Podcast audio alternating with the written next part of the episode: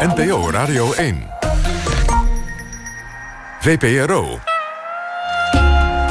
Nooit meer slapen.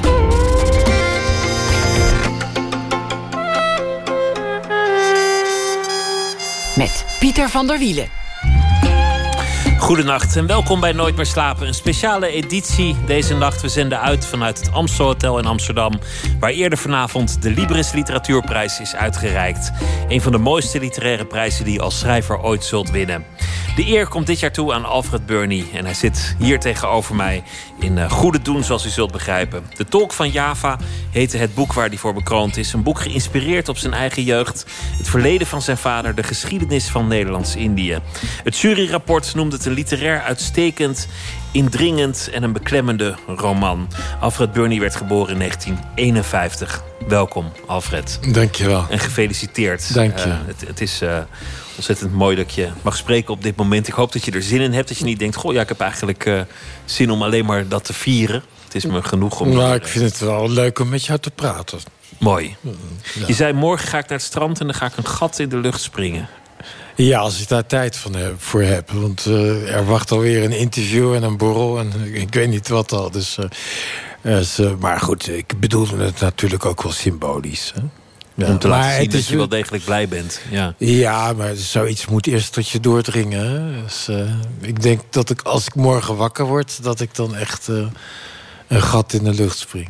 Ik, uh, ja, het is, je zit nu nog in een wolk. Hè? Dus, het moet nog echt tot je doordringen. Je, je, je schrijft al zo'n beetje een heel leven. Ja. Je schrijft al, al heel lang. Je hebt al, al, al, al verschillende boeken geschreven. Ja. Met relatief weinig erkenning. Ja. Sommige boeken bleven nagenoeg onopgemerkt. Ja, ja. jammer. nu, nu is die erkenning er. Weet je achteraf wat het was waardoor je altijd bleef schrijven? Waardoor ik altijd bleef schrijven? Ja. Ja, het werd een vak. Ja, dit klinkt wel heel... Uh, erg des schrijvers, maar het is wel zo. Ja, ik ben begonnen met schrijven en ja, ik bleef doorschrijven. En uh, er is wel een pauze geweest. Uh, begin deze eeuw. Uh, ik moest veel voor, voor, mijn zoon zorgen. En ik had een baantje als columnist bij de Haagse Krant. in 2006 ben ik ziek geworden. Ik, ik kreeg een hartinfarct. dat, en, en daaraan gekoppeld een burn-out. Dus ik was wel drie jaar uit de running. En ik dacht daarna, nou ja, ik moet maar weer eens gaan schrijven. En ik ben toen begonnen aan wat kleiner werk. Dus elk jaar een novelle. Dus in, in 2009 een novelle, in 2010 en in 2011. En ik had nog wat verzamelde uh, essays, die had ik liggen. Die heb ik omgewerkt. Die heb ik uh, ook gepubliceerd. Uh, in 2012, maar dat was echt wel een voer voor literatuurfreaks. En dan vooral literatuurfreaks die zich bezighouden met uh, de koloniale literatuur. En in 2012 ben ik, dacht ik, ja, ik moet nu aan dat ene grote boek gaan beginnen... dat ik al mijn hele leven heb willen schrijven. En dat is dit boek. Maar hoe is het om een boek te schrijven uh, terwijl je niet echt weet of er iemand wel op wacht. Want, want, dat was lange tijd zo. Je schreef een boek, maar, maar misschien zou het wel nauwelijks gelezen worden. Er was niet iemand die echt aan je mouw trok van... van hey Bernie, schiet eens op, we wachten op een, op een volgend kassucces. wat, wat houdt je dan gaande? Ja, wat is het? Ja, er is dan nog iets in je wat je, wat je per se nog wil schrijven. Dat wat... Uh, ja, uh, ik heb eerder over, deze, uh, over dit thema geschreven in, in eerdere romans, maar ja, nooit eerder zo expliciet. En ik, ja, er borrelde nog iets van binnen. En ik dacht bij mezelf, ja, fuck hem al. Ik ga het nu gewoon echt allemaal gewoon, echt gewoon boom schrijven. En ik, ik vergat alle literaire conventies. Hè? Dus al die dingen die je hebt geleerd als schrijver. je moet zo zingen, je kan zo schrijven. Alles overboord. Natuurlijk wel met die... neem me niet kwalijk, met die schrijfervaring. Maar ik dacht... Ik open die hele kast... En ik ga het gewoon, boem, allemaal opschrijven. Thema's, en zo lees het ook, hè? zeker. En, en, thema's waar je in, vorige boeken langs scheerde... of die, die al een beetje langskwamen, die, die komen hierin terug. Het, het, lijkt eigenlijk alsof dit, alsof dit, een beetje zoals je het al zegt... alles is wat je in je had. Als, als dit je hele verhaal is. Dit was het, het grote boek waar, je, waar al je werk en leven samenkomt. Ja, ja, ja. Mijn... Uh, ja, ja, het uiteindelijke werk. Hè, waar, ja, ik, ik, dat, is niet iets waar je mee begint. Uh, misschien zijn er schrijvers die, die direct met, met hun belangrijkste uh, werk beginnen. Nou ja, die, die, die schrijvers die zijn er. Maar goed, bij mij gaat het dan andersom. Dat is natuurlijk ook logisch. Maar ja, um, ik heb inderdaad eh, thema's genomen, zoals ik eerder zei... die ik eerder heb aangestipt, maar ja, niet zo... Ja, zoals nu. Gewoon, dat, eh, gewoon ook laten we zeggen, schaamteloze dingen gewoon neer heb gepend. Die, zonder compromissen. compromissen zonder compromis aan, aan van ja, dit is niet literair genoeg en, en dat hoort niet in, in een literair werk. Hè, zoals bijvoorbeeld die oorlogsscènes. Ja, die, die, die zijn, ja, mag ik wel zeggen, uniek in, in, de, in de Nederlandse literatuur. Die, die tref je niet zo in, in, in die in die rauwheid. Die rauwheid aan in, in de Nederlandse literatuur. Ik dacht, eh, wat kan mij het schelen? Ik, schrijf het gewoon op. En... Uh, maar ook persoonlijke dingen natuurlijk. Het gaat over je, over je familie. Ja, ja, Dat, dat vindt misschien niet iedereen leuk om te lezen. Maar, je hebt je op, op geen enkele manier uh, ingehouden of, of uh, jezelf gecensureerd of wat dan ook. Ik heb ook niet gedacht, dit, dit, dit, dit boek moet een, een, een, bestseller gaan worden of wat dan ook. Ik dacht alleen, ik moet dit boek schrijven. Ook omdat jij de enige was die het boek kon schrijven. Dit verhaal moest verteld worden en iemand anders kon het niet doen. Als ik zo om me heen kijk naar mijn collega's... Eh, ja, dan, ja, dan is, ben ik inderdaad de enige die zo'n boek kon schrijven. Ja. Is dit momentje grote erkenning? Nu je die prijs wint, zie je dat Ja, zeker. Ja. Ik heb eerder al... Toevallig op de dag waarop ik werd genomineerd... voor deze Libresprijs... Uh, een, kwartier voordat ze... Uh, uh, bij me voor de deur stonden, had ik een telefoontje gekregen dat ik de Henriette Roland Holstprijs had gewonnen. En een kwartier later stond, stonden ze van, van uh, liever is voor mijn deur. Dat, daarom reageerde ik ook zo verbaasd. Want ja, die, die, je, je krijgt binnen, binnen een kwartier. Ja, ja, maar goed, dit, dit was dan uh, wel een nominatie. Dan moet je natuurlijk nog vijf weken wachten. Maar goed, ik heb die prijs nu gewonnen. En uh, ja, dat, dat zijn ja, twee heel belangrijke prijzen. En ook heel, twee heel uiteenlopende prijzen. Ik bedoel, de Henriette Roland Holsprijs wordt maar eens in de drie jaar uitgereikt. En er worden geen... Uh, er zijn geen genomineerden, uh, niet, al, al die, die media-aandacht eromheen. het is een, een ouderwetse prijs, ingesteld in 1957 al. En nou, je krijgt die prijs gewoon. En die moet ik nog gaan halen in, in september. Dit is een moderne prijs, Librisprijs, hè, met alles eromheen. En je hebt zes genomineerden. En, nou, dan wordt het een, een, een soort wedstrijd.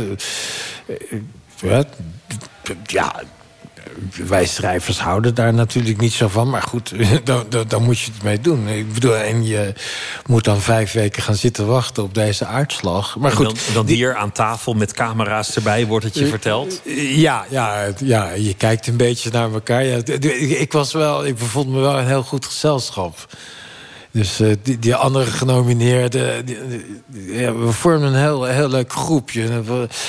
Van meet af aan al. Toen we elkaar zagen uh, bij de... Uh, de, de bekendmaking van de nominaties moesten we ons verschuilen ergens in een cafeetje. En uh, daar, daar troffen we elkaar. En we konden allemaal gewoon goed bij elkaar opschieten. Er was helemaal geen sprake van, van, van, van concurrentie of wat dan ook. Allemaal hele fijne mensen. En ze hebben me ook daarnet gewoon allemaal omhelst en, en gekust. En ja, en ik vroeg zo van, vind je het erg dat ik heb gewonnen? Nee, ik gun het je.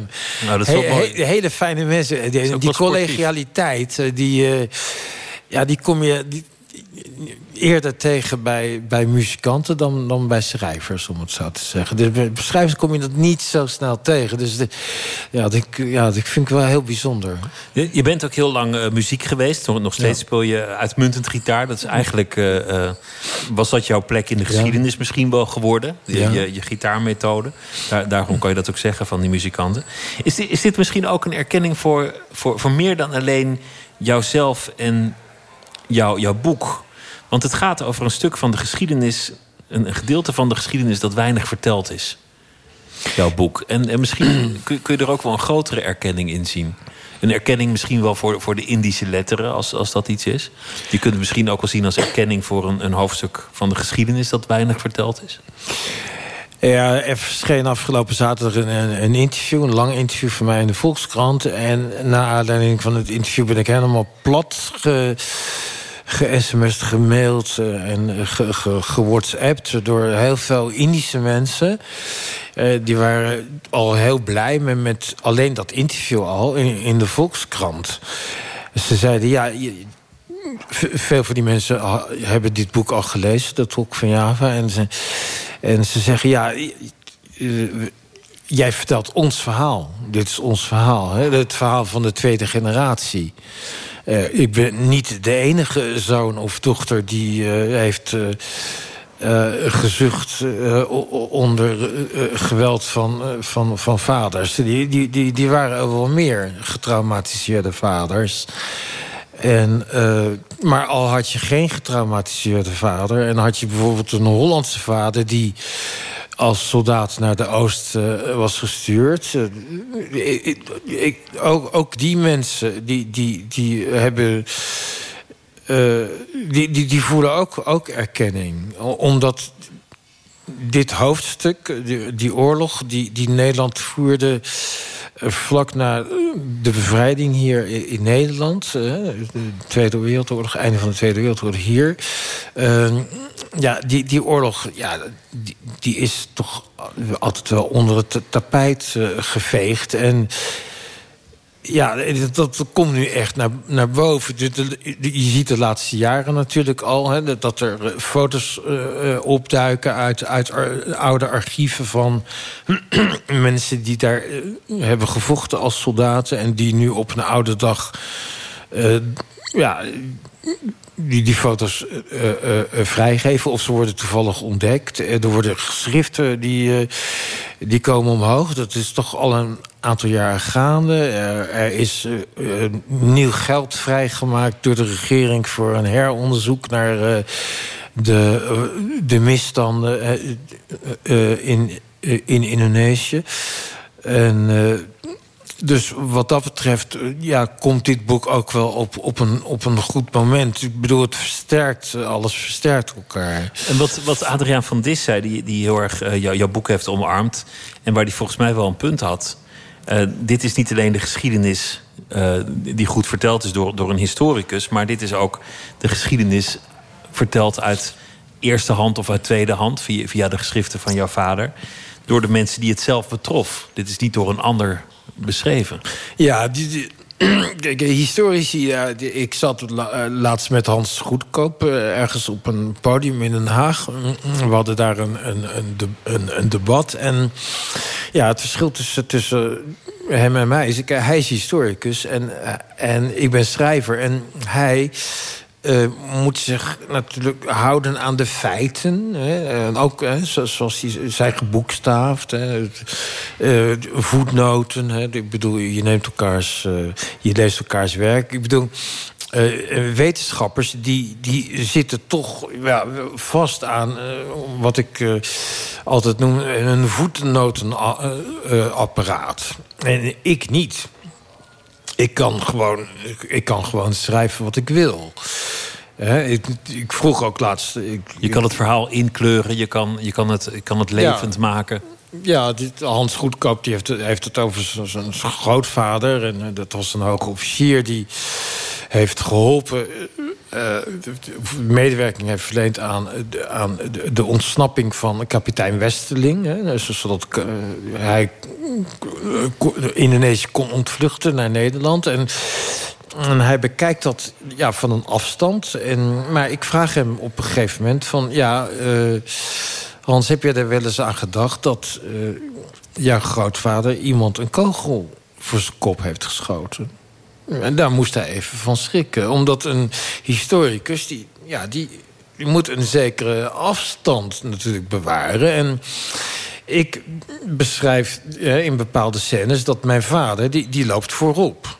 Voor nog de, de, mariniers uit. En daarachter komen de landmachters met, met de panzerwagens en de tanks. En, daarachter komen de jeeps. En in die jeeps, daarin zitten de hoge officieren. En ik zeg tegen hem, ja... jouw grootvader heeft in een van die jeeps gezeten. Die volgt dat spoor, die heeft daar dan toch die lijken zien liggen. Begrijp je wel? Maar historici, die, die houden daar dan op. Bij waar het pijnlijk wordt voor Waar henzelf. pijnlijk, waar het persoonlijk wordt. Of waar het, precies. waar het je raakt. Ja, Want daar, je- en, en, en, en, en, en daar ben ik. En dat is mijn, mijn, mijn vrijheid van romancier. Ik bedoel, ik, ik kan dat gewoon vertellen. Moest je, moest je daarvoor dingen overwinnen? Want, want, want je beschrijft eh, over je vader dat hij in het begin, als hij iemand doodschiet, een klein kerfje op, op de kolf van zijn geweer maakt. Maar op een gegeven moment past dat gewoon niet meer. Of, of is het gewoon niet meer de moeite om dat steeds te doen? Want Ja. hij, hij, hij beschrijft zoveel gruwelijkheden. En, en hij, hij was ook goed in het vechten, maar hij heeft zoveel mensen Ja. een kogel eh, door de kop gejaagd. Ja. Was, het, was het voor jou moeilijk om, om dat aan te gaan toen je dit boek ging schrijven? De, de, de, de- dat is eigenlijk een, mijn hele leven natuurlijk een probleem geweest. Al van dat ik klein was. Ik bedoel, mijn vader, sorry, die, die vertelde die verhalen aan tafel. Ik was zes, zeven, acht, negen, tien jaar ouder. Hij vertelde het aan tafel, hij vertelde het na het eten. Ik bedoel, ik ben met die verhalen opgegroeid. Een normaal mens die, die groeit op met sprookjes. En ik groei op met die gruwelijke verhalen. Maar ik, ik, ik wil dat natuurlijk niet weten. Je wil niet weten dat je vader andere mensen eh, eh, martelt en voor hun kop schiet. Dat, dat wil je niet. Dus dat, ja, dat heb ik met me meegedragen. Ik ben dat allemaal gaan uitzoeken. Hij kwam met zijn memoires. Ik heb die memoires naast andere memoires gelegd. Ik heb heel veel geschiedenisboeken gelezen. eh, eh, ik ben met, met, met, eh, met Mo- Molukse generatiegenoten gaan praten... die ook vaders hadden, maar dan bij het knil. Ik heb een, een, een jongen opgespoord die ook een vader had... die eh, als zogenaamde tolk eh, werkte voor de mariniers... Ik heb met zonen gesproken van Nederlandse mariniers. Ik heb me bezig gehouden met wapenkunde, met, met van alles. Ik ben, ik, ben, ik ben er jarenlang mee bezig geweest. En ja, natuurlijk wel in golven. Hè. Ik bedoel, ik, ik, kwam natuurlijk ook wel eens met een ander boek. Of, eh, maar mm, ja, dat heeft... ja, ja, dit- ja, ik, ben, ik, ja ik, ik ben nu 65, maar als je, laten zeggen... mm, Laat ik zeggen, nou, als ik nou zeg maar op mijn twintigste ben begonnen... ja, en ik ben op mijn zestigste begonnen aan het, eh, met, het schrijven van dit boek... dan kan je wel zeggen dat ik daar eerst 40 jaar mee bezig ben geweest. En, en dat is lezen, en, maar ook hè, en, en studeren... en kijken wat klopt en wat niet klopt. En, Maar, maar ook het emotioneel aangaan. ja, dat. En, en op een gegeven moment moet je daar klaar voor zijn. Je, je, moet het aankunnen. Nu, ben- nu ben ik sterk genoeg om Nu dit- ben ik sterk genoeg om, onder ogen te zien. Ja, om, om Want- deze roman te schrijven. Want je zei net, Ja. eh, hier in Nederland is, is, is dit verleden niet altijd gezien. In Nederland was het heel lang zo, de, de Tweede Wereldoorlog hield op op 5 mei 1945. Toen was het voorbij. Wat, wat er in de Oost gebeurde, dat daar nog de Japanse bezetting tot augustus was. Dat er na de opstand was.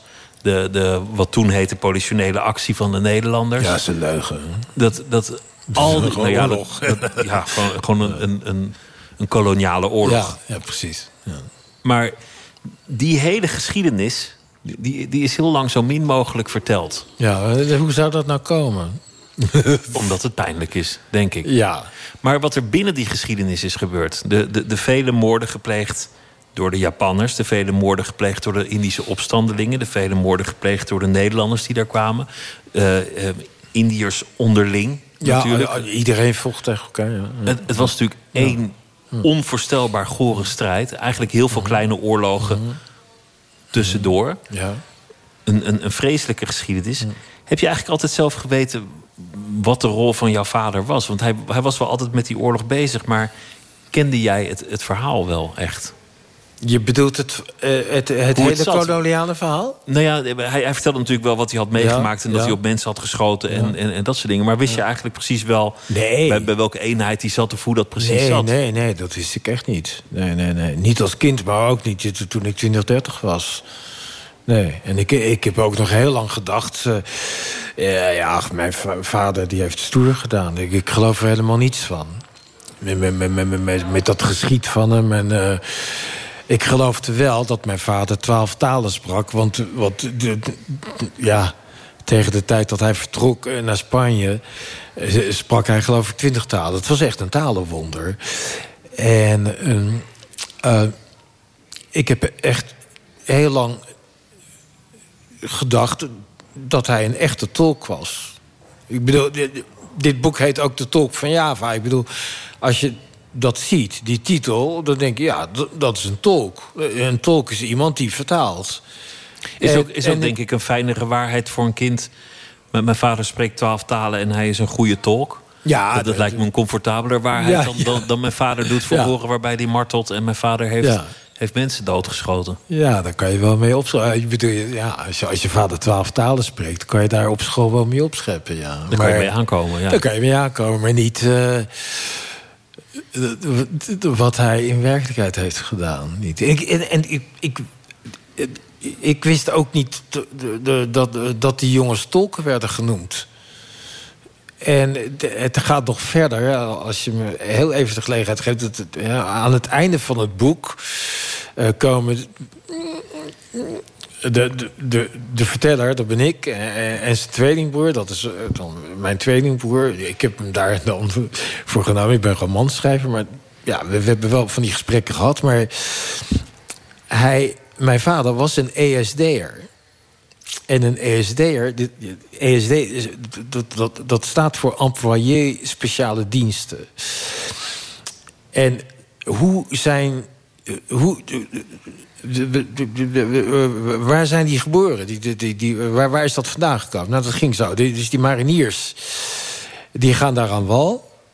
En die pikken jongens op, die, die hun talen spreken. En die geven hun allengs meer bevoegdheden. Hè, met, met, met, met wapens en dit en dat. Maar het is eigenlijk illegaal. Dan komt er een correspondentie hè, eh, eh, tussen een, kapitein en een generaal. En die, die zeggen van ja, hier is iets niet in orde.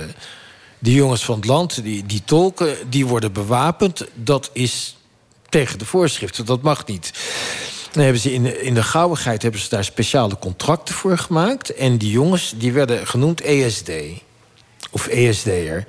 En die kregen dan een, een, een, een contract een, dat per jaar werd verlengd. Met hetzelfde soldij als vergelijkbare soldaten. Maar zonder recht voor pensioen enzovoort. Dat. Dus dat was eigenlijk eh, dat, dat is illegaal. En, en dit, dit is heel interessant voor historici. Ik vind dat historici hiermee aan de gang moeten. Het waren er maar een paar honderd van die jongens. En de meeste van die jongens die, die, zijn, ook, die zijn ook omgekomen.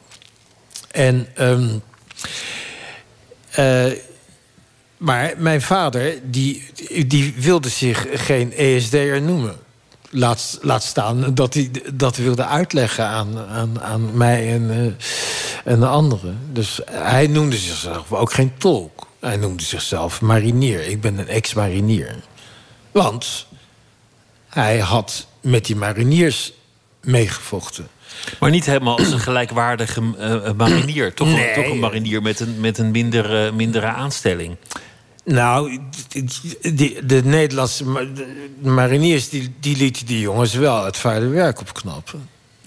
daar komt het wel op neer. Dat wil niet zeggen dat er geen Nederlanders waren die, die, die, die smerige dingen deden.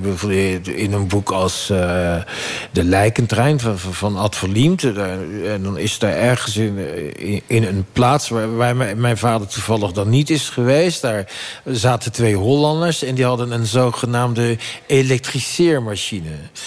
En die, die, die, de, de, de, de, de, de Indonesische gevangenen die werden dan ja,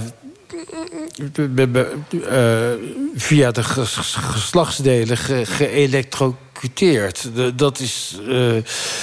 Ja, niet, ja, dat, ik begin echt al te stotteren. Dat, dat is onvoorstelbaar dat, dat, je, dat, je, dat je dat zo doet. Dat martelen via, de geslachtsstenen. Dat, dat, dat is verschrikkelijk. Eh, dat, dat heeft mijn vader niet gedaan, gelukkig. En, maar dat waren dan weer Hollandse mariniers die dat deden. Dus het is niet zo dat dat alleen Indo's en Molukkers die smerige dingen deden. Maar ze liepen wel altijd voorop. Dus er sliep in ieder geval meer gevaar. En ze, deden ook de verhoren die niet ja, zachtzinnig waren. jouw vader die had zich, om, om, om een lang verhaal kort te maken... had zich uh, ongeliefd gemaakt in, in, uh, in Indië. En die moest absoluut maken dat hij wegkwam. Hij had het niet overleefd als hij daar was gebleven. En zo zijn jullie hier terechtgekomen. Ja, hij stond op de zwarte lijst, nummer twee. En hij moest gewoon hals over kop uh, maken dat hij wegkwam. ik, heb, ik heb dat document niet gezien, maar...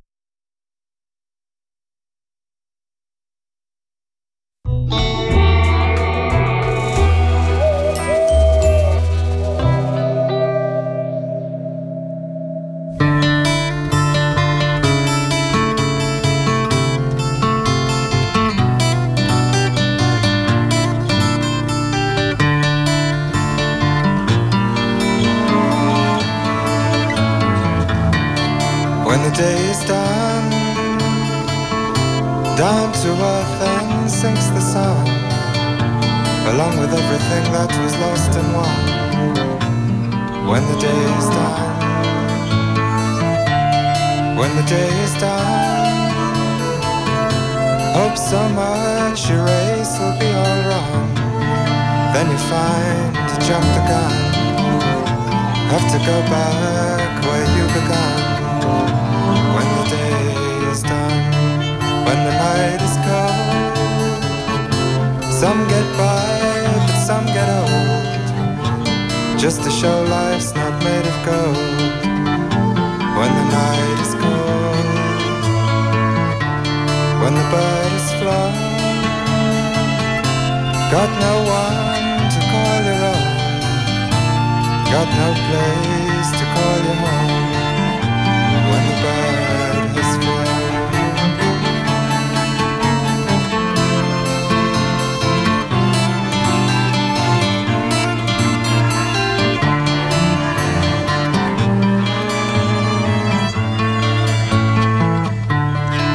When the game's been fought, newspaper blown across the court. Lost much sooner than you would have thought. Now the game's been fought. When the part is through, seems so very sad for you. Didn't do the things you meant to do. Now there's no time to start anew. Now the part is through. When the day is done.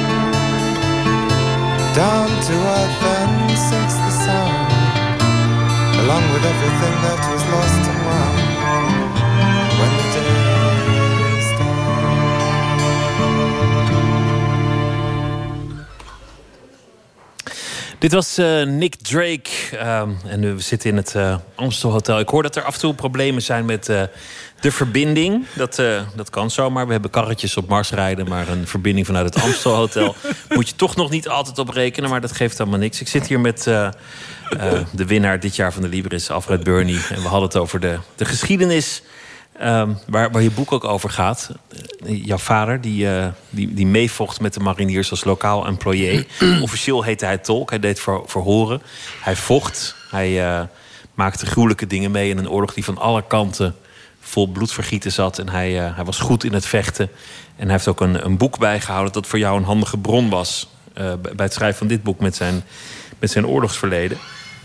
Laten we, laten we een stap verder gaan naar jouw eigen jeugd. Een groot deel heb je doorgebracht in uh, Voorschoten, in een internaat. Ja. Want je, jou, uh, jouw vader trouwde in Nederland met een, met een Nederlandse vrouw... Mm -hmm. die, die in, in, in Limburg uh, woonde. Ja, Brabant, in, in Helmond. Helmond, ja. ja. Helmond, ja. En um, het, het, was geen gelukkige jeugd voor jou, als ik het zo lees. Nee, nee. Maar in, in, in, in dat internaat in Voorschoten, daar ging het wel, hoor. Daar heb, je, daar heb je nog wel blijde herinneringen aan. Ja, nou, dus, één, daar werd je niet uh, geslagen.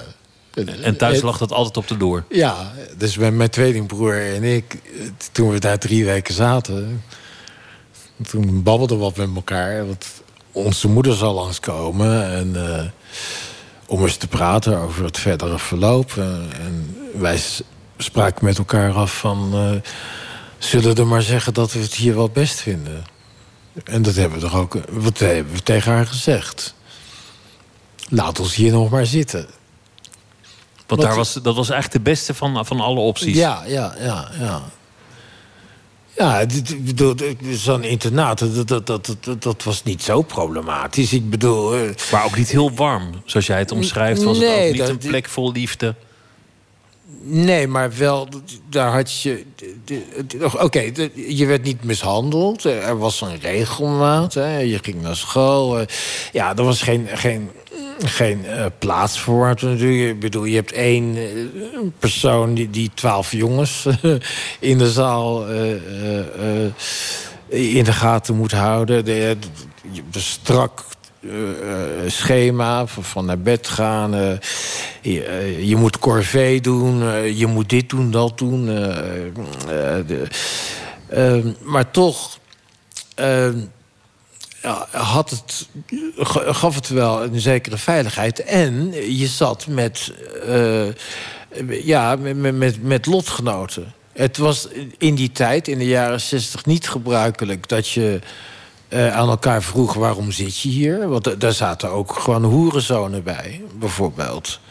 En ik bedoel, je zei in die tijd niet van... Ja, ik ben een zoon van een hoer.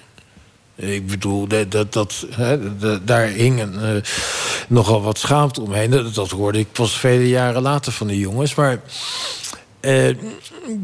dus dat, daar was wel een taboe van je spreekt niet over eh, eh, van het, waarom je hier zit, maar we vormden met ons allen wel een, een, een, ja, een groep. Je was met jongens onder elkaar en, en, en binnen die en dan had je de leiding, hè, dus die ouderen, dus, die je nu hulpverleners zou noemen. En ja, je, je spande bijvoorbeeld samen tegen de, tegen, tegen de hulpverlening. Of als iemand kattenkwaad had uitgehaald... dan sprak je met elkaar af, eh, mond houden, niet, dat soort dingen...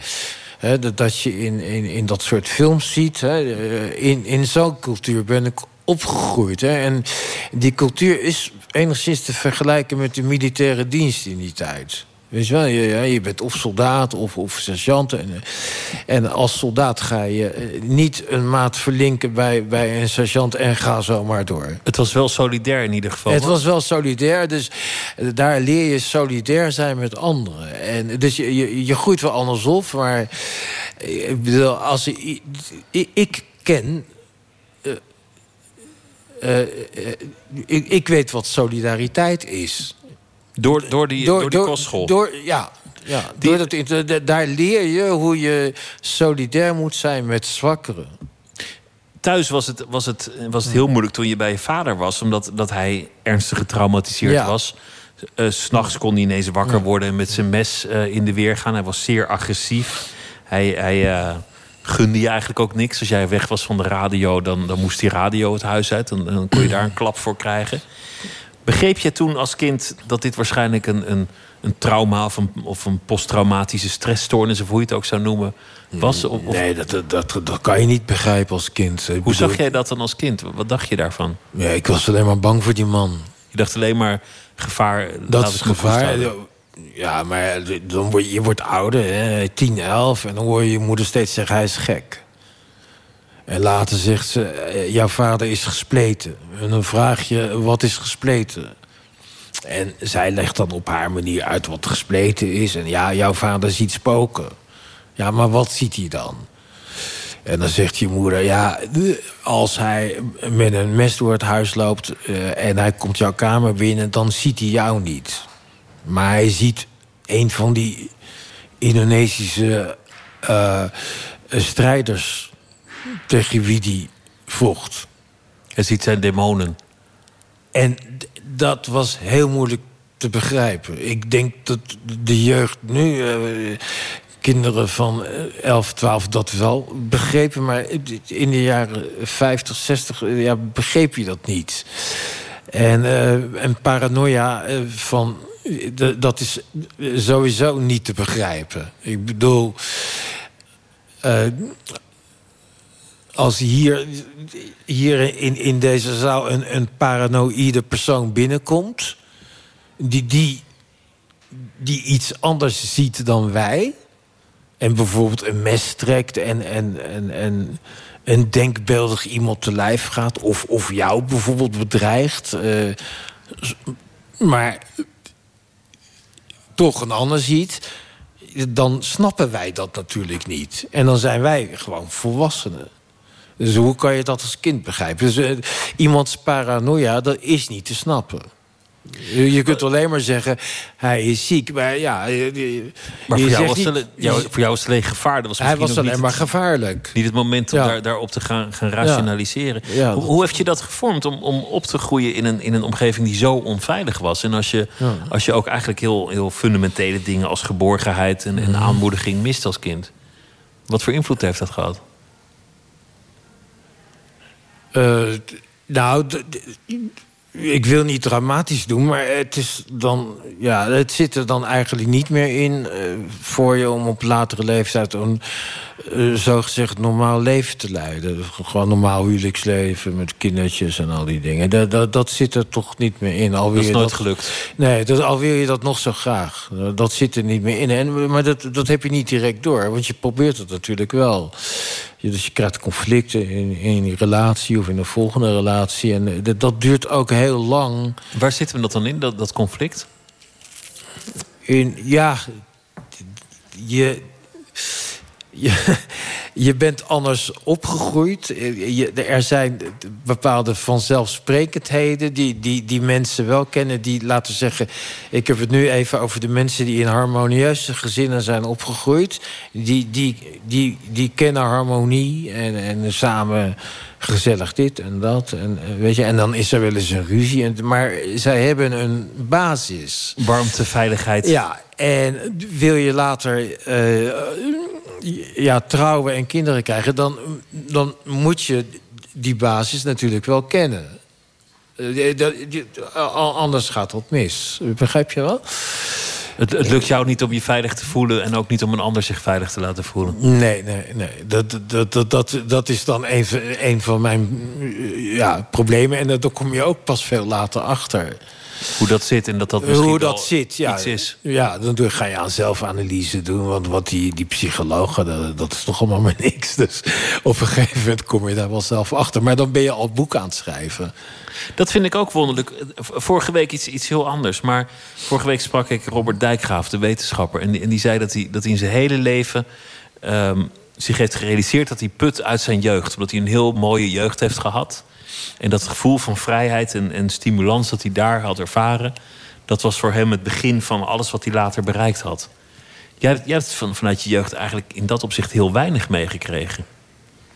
Nou, ik heb in ieder geval voldoende stof meegekregen om, om, boeken mee te schrijven. om 14 boeken te schrijven. Maar de aanmoediging dat, dat, dat je het zou kunnen, de aanmoediging dat het de mhm. moeite waard is wat jij te mhm. vertellen zou hebben. Mhm. Het zelfvertrouwen, dat heeft niemand je gegeven. Nou, op school wel. Hè. De leraren die kregen altijd negens voor me opstellen. Maar goed, dat, dat, dat telde in die tijd niet. Hè. Ik bedoel, negen ja, dat is wel belangrijk. Een leraar die zegt dat je goed bent. Ja, dat, dat, dat was wel prettig. Maar ik bedoel, als je op je twintigste... Ja, ik, ik riep al vrij snel rond... Eh, van, ik ga een boek schrijven. Dat was in die tijd bespottelijk boeken schrijven, dat werd gedaan door, door Harry Mulisch en, uh, Hugo Claus en uh, Simon Vestijk. Maar, maar nee, niet door zo'n internatiejongen natuurlijk. Uh, nu is dat heel anders hè? en nu kan iedereen natuurlijk boeken schrijven. Maar, maar goed, ja, ik heb het allemaal zonder aanmoediging moeten doen. En ja, ik, ik heb mezelf moeten aanmoedigen. En als je me vraagt hoe ik dat heb gedaan, dan kan ik daar geen antwoord op geven. Ik weet niet hoe. Dat, dat, dat weet ik niet. Die misschien was er eh, gewoon. Ja, maar misschien, eh, misschien ben ik ook wel een schrijftalent. nou, dat mag je nu gewoon zeggen. Je hebt net de Libris gewonnen. Ja. Nu mag je het zeggen. Als je het ooit, als je het ooit mag zeggen, dan, dan, dan is het nu toch echt het moment. Ja, ja. En die andere prijs. En die andere prijs, de, de Holsprijs. Je, je, ehm, je familie is, is van een, van een uh, Indische afkomst, maar ook voor een, voor een deel van een Schotse afkomst, deels een Nederlandse afkomst. Uh, jij bent half Nederlands, half Indisch en dan een gedeelte Schots en uh, een gedeelte Indisch ook weer uit die andere hoek. Er zit geloof ik ook nog wat Chinees ergens ja, in, in, ja. jou, in jou. Nou, ik ben een kwart Chinees. Kwart zou, ja, dat zou je niet zeggen. Ja, ja want de, de, de moeder van mijn vader was, was een volle Chinese. Wel geboren op Java, maar dat noemen ze daar dan per Anakan Chinees. Chinese, maar mijn vader was al half Chinees, half Indo. En in Indo is dan weer uh, half uh, uh, Europees, half Indonesisch. Oké, maar ja, en als mijn vader een half Chinees was, dan ben ik toch een kwart of. Zo ik... zit er toch ongeveer. Dan, ja, ja, hè? ja. Ik zit te rekenen, maar dan kom ik, kom ik op iets uit dat ver boven de 100% zit. Dus dan, oh. dan klopt het alweer of, niet. Ja, ja, ik, maar, kan, maar, kan niet zo goed rekenen. Eigenlijk hoor je nergens echt bij, in, in die zin. Nee, Val je altijd overal een, een beetje ja. tussen? Of, of heb je dat gevoel nooit gehad? Ja, maar er zijn, er zijn veel, veel Indische mensen in Nederland. Hè? Er zijn heel veel mensen met, uh, van, van, van, van gemengde afkomst. De een noemt zich Indisch, de ander Indo. Of ze noemen zich half Indo. Of, of half Indisch. Of, uh, of, of uh, ik heb Indische ouders. Of ik heb Indo-ouders. Of wat dan ook. Hè. Oh, maar er komen natuurlijk meer mengelingen bij. Dus uh, kinderen van, van Nederlanders en Turken. Nederlanders en Marokkanen. Alle, die, en, dat is heel eigenaardig. Dat die, die mensen, die, die, op ouderwets gezegd halfbloedjes... die, die vinden elkaar op het internet. Die herkennen iets in elkaar. Die herkennen iets in elkaar. Dat is heel gek. En ook bijvoorbeeld de halve Surinamers. En, en eh, die, die, die, die weer omgaan met, met, met, met Indische mensen en, enzovoort. Maar goed, het, om bij mijn eigen generatie te blijven, die, die is vrij groot. Het is een behoorlijk grote generatie. Alleen, uh, niet iedereen van die generatie is echt bewust bezig met, met de koloniale geschiedenis. Het is niet zo dat, dat alle Indische mensen hiermee bezig zijn en, en, eh, en de Nederlanders niet. Of zo. Want er zijn natuurlijk ook Nederlanders die het wel doen. Begrijp je wel? Dus wat, wat wil ik nou eigenlijk zeggen? Ja, nee, ik bedoel, ik sta niet alleen. Maar, maar was ik, bedoel, ik heb Indische vrienden. Maar, maar ben, jij, ben je onder, onder, onder Indo's een, een, volledige Indo... of heb je dat gevoel zelf nooit helemaal gehad? Ja, dat, je daarbij onder, hoorde? Onder Indo's heb je, heb je ook weer natuurlijk allerlei... Uh, schakeringen. Schakeringen. dat, is, dat, dat, dat is wel grappig, daar ga ik nu niet over uitweiden. Maar ja, de, de, uh, ik moet eerlijk zeggen dat ik me onder Indische mensen wel, wel, wel lekker voel.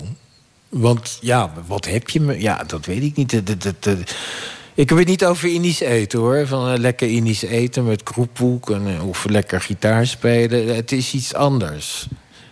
En wat dat is, ja, dat weet ik niet. Als er bijvoorbeeld ergens een feestje is, en wat Hollanders en, en, en, en, en Indo's, dan aan het eind van de avond zit je toch met alle Indo's ergens, ergens in een hoekje, zo zachtjes te babbelen. Toch een soort herkenning die, je dan hebt. Ja. En dan hoef je het niet over de oorlog te hebben of over het kolonialenverleden. Of, het is gaat het niet over. Ja. Dus ik ben, ik ben geen, geen lone wolf. maar, maar, maar, misschien in je jeugd, in de jaren zestig, in zo'n internaat... dat dat, dat dat misschien wel speelde. Dat, dat, je, dat je gevoel had van, ja, ik, ja, ik hoor nergens echt. Ja, en dan, dan, was het heel typisch. Dan, uh, ja, dan had je hooguit drie Indische jongens hè, in zo'n groep. En dan, en dan, maar in het dorp voor Schoten zaten ook Indische jongens en, en Molukse jongens. En wij trokken met elkaar op. Die vond je dan weer? Ja, nou ja, ja je was blank of bruin. Je, je, vond, je trof elkaar in het park. En dan, ja, en dan had je een groep van, van ja, we waren ongeveer met twaalf eh, eh, Indisch en Moluks door elkaar. En uh, dan moesten ze nodig gevochten worden tegen, met, met, tegen Nederlandse jongens. En dan stond ik altijd aan de kant. Jongens, doe nou rustig, doe nou niet. Doe nou niet. Ja, ik was toch wat vredelievender. Maar uh, als er geen stennis werd gemaakt door Nederlanders... dan deden de, de Indo's en de Molukkers het wel. Althans, dat was in voorschoten. Maar eh, ik bedoel, eh, dat is niet vergelijkbaar met zoals het nu gaat. Zo hard of zo. Ik bedoel, als je in die tijd iemand een, een tik gaf...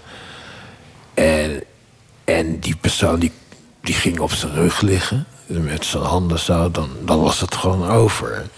Dat waren de regels in die tijd. In de jaren zestig. Als iemand op de grond ligt en hij doet zijn handen zo omhoog van stoppen... dan haal je op en dan zeg je, joh, eh, niet meer doen en dan loop je door. Nu, in deze cultuur, als iemand ligt, dan beginnen ze pas... En zo schoppen ze elkaar letterlijk het ziekenhuis in, of in Amerika, echt elkaar doodschoppen. Dat, dat, dat is een. Ja, dus Begrijp je? Je moet het wel een beetje... Er moet toch wel een soort, soort beschaving, zelfs als je aan het vechten ja, bent. ja, we, we vochten beschaafd. In die tijd. Om zo te zeggen, ja. Die, die koloniale geschiedenis, hè, waar we het over hadden van, van, van je vader... Dat, dat, die, die afwikkeling van de koloniale geschiedenis van Nederland in de Oost...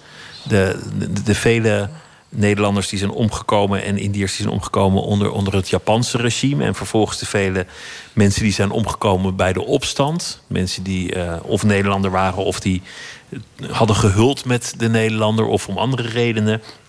Speelde ook nog communisme of niet-communisme mee. Ja, vervolgens, is ingewikkeld. Vervolgens de, de, de, koloniale oorlog die daar gevoerd de islam, werd. De islam. Islam, dat speelde ook nog mee. Dus, dus, dus al, die, al die strijd. Het, het, lijkt wel alsof er een soort. alsof die al die wonden die daar zitten nu pas zichtbaar worden. Alsof, alsof nu pas, dat, zei je ook al, de, geschiedenis er oog voor heeft en, en mensen ontwaken en beginnen te zien wat er toen allemaal zich heeft afgespeeld. Hoe zie jij dat? Nee, ik vind in de eerste plaats heel rot voor de eerste generatie. Die, die nu bijna, de eerste generatie Indische mensen die daar uh, is geboren en, en hier naartoe is gekomen. Die, die generatie, ja, is, uh, is behoorlijk aan het uitsterven. Er zijn er nog wel een paar, maar die zijn heel oud. En uh, ja, die hebben om die erkenning uh, gesmeekt en, en, verzocht. En die hebben ze niet gekregen. En, en, voor hun vind ik het wel, wel heel naar dat, dat het zo laat nu komt. Hè, dat deze geschiedenis zo laat pas uh, verteld, wordt. verteld wordt. En wij nemen die rol als het ware over, de tweede generatie. Dus wij komen nu dan... Uh, daarmee, er zijn allerlei uh, Indische mensen... Die, er, wordt, er worden veel artikelen over geschreven, essays... en uh, ook in kranten enzovoort. En, um, maar goed, uh, het is niet slecht voor Nederland om de eigen koloniale geschiedenis onder ogen te zien. Want het, wat heel opvallend is, is dat uh, wanneer je Nederlanders spreekt erover, dat ze het heel snel hebben over schaamte. Dat ze zich schamen voor de Indonesiërs. Of dat ze zich schuldig voelen en, en al die dingen. Maar dat, daar, daar gaat het helemaal niet om. Want de Indonesiërs die ken ik ook, die zeggen gewoon... wij hebben die oorlog gewonnen. waarom schamen die, waar schamen die Nederlanders zich nou voor? Wij hebben die oorlog gewonnen. Ze hebben de Nederlanders begrijpt... eruit gezet en, en daar zijn ze blij mee. Nou, zij Nou, dat zou ik ook niet zo zeggen. Want er zijn ook Indonesiërs die er niet blij mee zijn. Maar zij snappen niet waarom de Nederland, waarvoor de Nederlanders zich schamen. Begrijp je, begrijp je wat ik bedoel? Het is, het is daar niet zo'n kwestie zoals hier. En... Ja, hier is echt zo'n kwestie van... Ja, we schamen ons, eh, wat jullie hebben aangedaan. Hè? Dan halen we dat hele kolonialisme erbij. En dat, dat, dat, dat, je moet...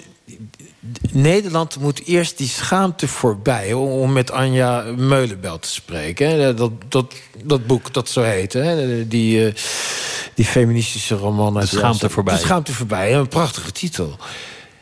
En Nederland moet in dit verband ook gewoon die schaamte voorbij. Eerst dat afleggen. En dan pas kan je nou, geschied schrijven en dit en dat. Het gaat niet om schaamte. Maar wat je eigenlijk het is niet zo dat Nederland alleen maar erge dingen heeft gedaan. Maar jij zegt eigenlijk, het verhaal moet gewoon tegemoet getreden worden. Je moet gewoon het verhaal vertellen. Gewoon vertellen. Ja. Onder ogen zien, opschrijven in een boek. En het lezen, doorvertellen aan volgende generaties. En niet, wij, wij, wij, waren slecht en zij goed of, of dit. Of, eh, de, Nederland heeft ook, ook hele mooie dingen daar gedaan. Oké, de, de Banneneilanden zijn uitgemoord door Jan Pieterszoon Koen. Eh, dat mag er dan ook allemaal wel bij. Maar eh, goed, je hebt op een gegeven moment de industriële revolutie in 1900. Ik bedoel, ja, kreeg spoorwegen, spoorlijnen werden aangelegd. En ja, of ze erop zaten te wachten, ja, dat, dat weet ik even niet. Maar, maar goed, eh, Japan eh, moderniseerde ook. En de Filipijnen moderniseerden. Heel Azië eh, moderniseerde. En het hele kolonialisme, eh, het, dat hele... Dat verdween in tien jaar tijd. De, de Fransen, de Engelsen, dat verdwenen. Algerije. Dat, dat ging in een hele korte tijd. Misschien is dat wel de grootste ontwikkeling... of een van de grootste gebeurtenissen van de 20e eeuw geweest. Ja, ja, ja. En ik begrijp niet waarom de Nederlanders daar niet, niet gewoon over kunnen praten. Ik gaf een keer een, een lezing in Amerika als, als, als gast daar in Iowa. En ik begon over de, over, over de, de, de, eh, de Nederlandse geschiedenis te vertellen. En die, die, mensen begonnen na eh, drie minuten te gapen. En, nou, en zij kenden die geschiedenis al. Dus ik dacht, oh, wacht, ik moet het even wat literairder maken. En dit en dat is zo. En later kwamen ze naar me toe. En, uh, en ze zeiden, ja, als wij aan wij hier in Amerika het hebben over de Nederlandse geschiedenis... dan plaatsen wij dat, die geschiedenis altijd in een koloniale context. Dat doen wij altijd. Anders is de moeite niet eens waard om ernaar te kijken. Precies, precies. Dus niet, niet, niet de paling op Hoeks en kabeljauwse uh, Hugo de Grote, dat niet. Gewoon, Nederland was eh, het eerste hoe heet dat ook weer? Eh, de VOC, de eerste multinational uh, alle tijden ter wereld. En een grote koloniale macht in, Is, Ja, in, de 17e eeuw. De, ja, toen was Nederland een wereldmacht. En waarom schrijf je daar niet gewoon over? Maar dan wel doortrekken, hè? 1800, 1900, hè, dan krijg je de echte kolonisering. En dan krijg je dan, hè, en dan krijg je dan het einde van, van, van die tijd. En dan krijg je de modernisering. En dan, en dan krijg je al dat Indonesiërs uh, naar onafhankelijkheid streven. Wat, wat, dat, dat kwam niet zomaar uit de lucht vallen. Dat, dat, dat speelde al in de 19e eeuw. Een neef van de Multatuli die was er al mee bezig. Dus dat, dat, dat kwam niet van de een op de andere dag. Nou, dat, dat kan je gewoon vertellen. En dat, is, dat wordt gezien als een ingewikkelde geschiedenis.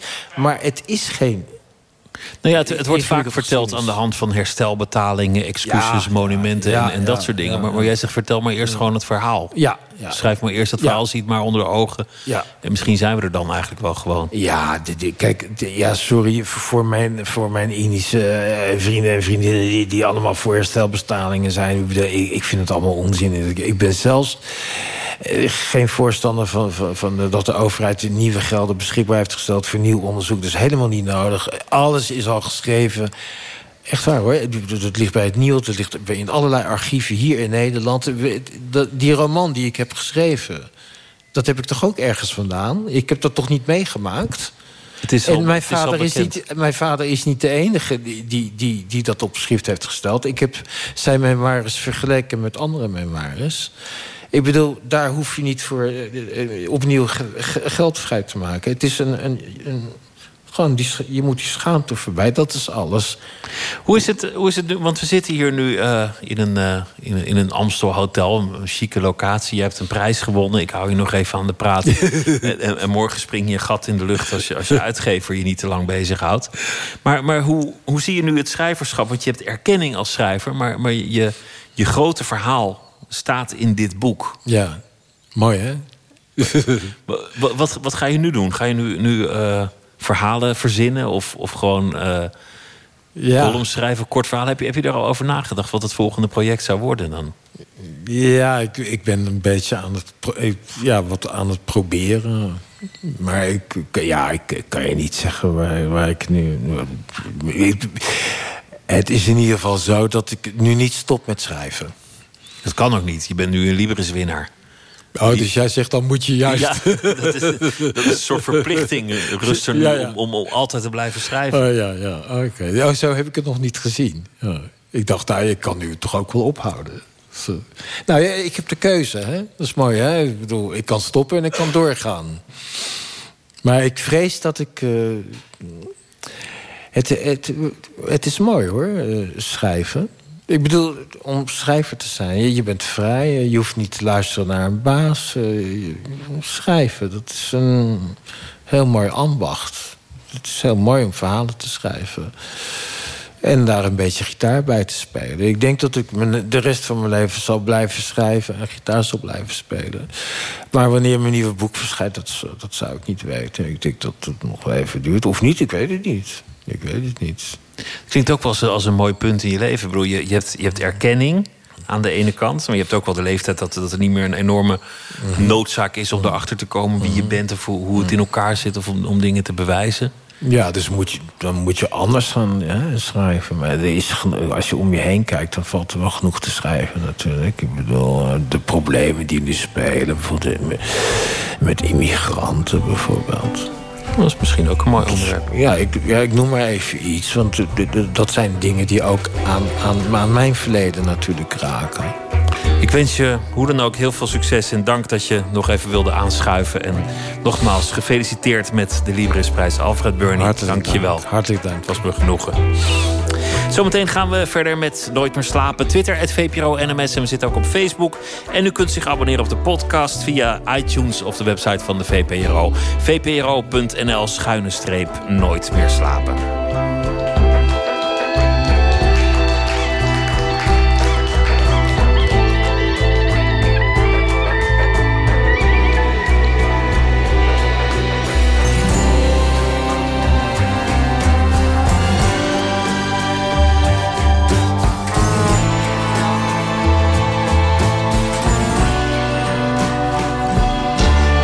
Radio 1. Het nieuws van alle kanten.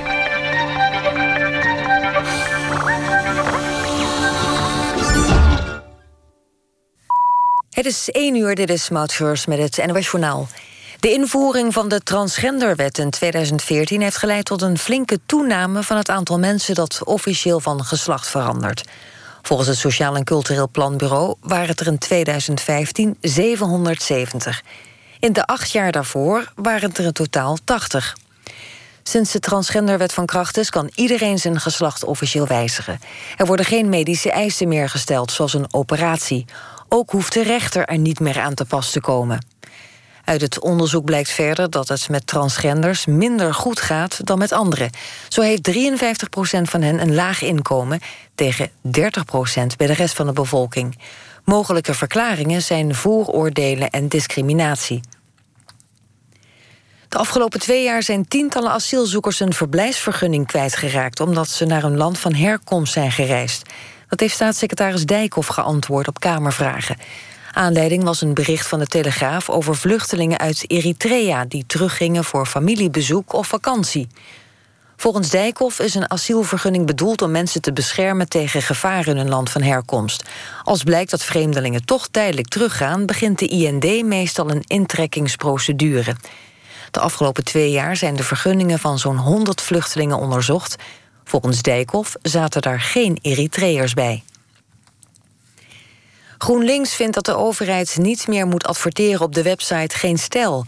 De partij wil van staatssecretaris Wiebes weten of het klopt dat de Belastingdienst nog steeds bij Geen Stijl adverteert, terwijl Defensie daarmee is gestopt. Geen Stijl ligt onder vuur vanwege een oproep om seksistische commentaren te geven op een foto van een Volkskrant-journaliste. Het weer helder en koud met in het binnenland vorst aan de grond. Overdag vrij zonnig, maar smiddags in het noorden meer bewolking. Het wordt 10 tot 14 graden. En dit was het NOS Journaal. NPO Radio 1. VPRO. Nooit meer slapen.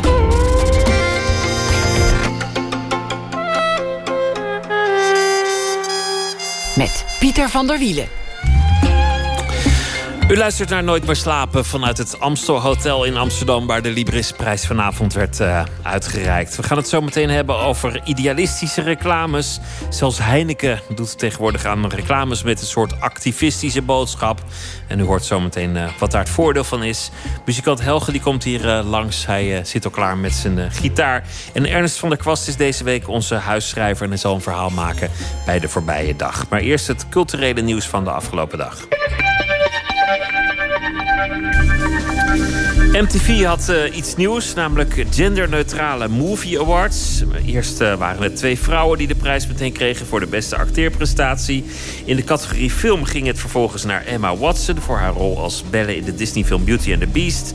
En uh, in haar speech noemde Watson het winnen van de prijs heel betekenisvol. In de reeks serie won ook een vrouw, namelijk Millie Bobby Brown van de hitserie Stranger Things. Geen categorie man of vrouw, acteur of actrice meer, maar alles genderneutraal dus vanaf heden. In de nacht van zondag uh, op maandag is er een nieuw werk van Banksy, de graffiti-kunstenaar, verschenen bij de ferry terminal in Dover. Daarmee levert hij commentaar op de Brexit. De tekening toont een metaalwerker die stukjes van de sterren van de Europese vlag weghaalt. Het is de eerste keer dat Banksy zich heeft uh, bemoeid met de Brexit. Facebook eh, wil zich na het internet nu ook gaan eh, verdiepen in televisie en daar machtig in worden. Het eh, bedrijf wil zelf tv-shows en series gaan maken, waaronder een serie waarbij VR-daten, virtual reality daten, de hoofdrol zal spelen. Facebook hoopt een jonger publiek daarmee aan te spreken. En het zal ook op Facebook zelf uiteraard te zien zijn. De multinational hoopt op deze manier nieuwe adverteerders te winnen die normaal bij de traditionele televisie zullen adverteren. En er was er ook een groot onderzoek naar de stand van het Nederlands. De staat van het Nederlands heette dat onderzoek. Onderzoek over de taalkeuzes van Nederlanders en Vlamingen in het dagelijks leven. En uh, de boodschap is zeer positief, want ondanks de vele Britse woorden als zeven, appen en streamen, is de positie van het Nederlands en het Vlaams sterker dan ooit tevoren. Frans Hinskens is coördinator van het onderzoek. Goedenacht. Hallo. Wat zijn de belangrijkste conclusies uh, van het onderzoek wat u betreft? De belangrijkste conclusies van het onderzoek zijn wat mij en ook wat mijn collega's betreft... Uh, dat voor zover we kunnen afgaan op de uitslagen van de enquêtes... onder 6.500 sprekers van het Nederlands... en ook de uh, andere gegevens die we stelselmatig onder de loep hebben genomen... dit Nederlands zeer krachtig op twee benen staat in de Nederlandse en Vlaamse samenleving...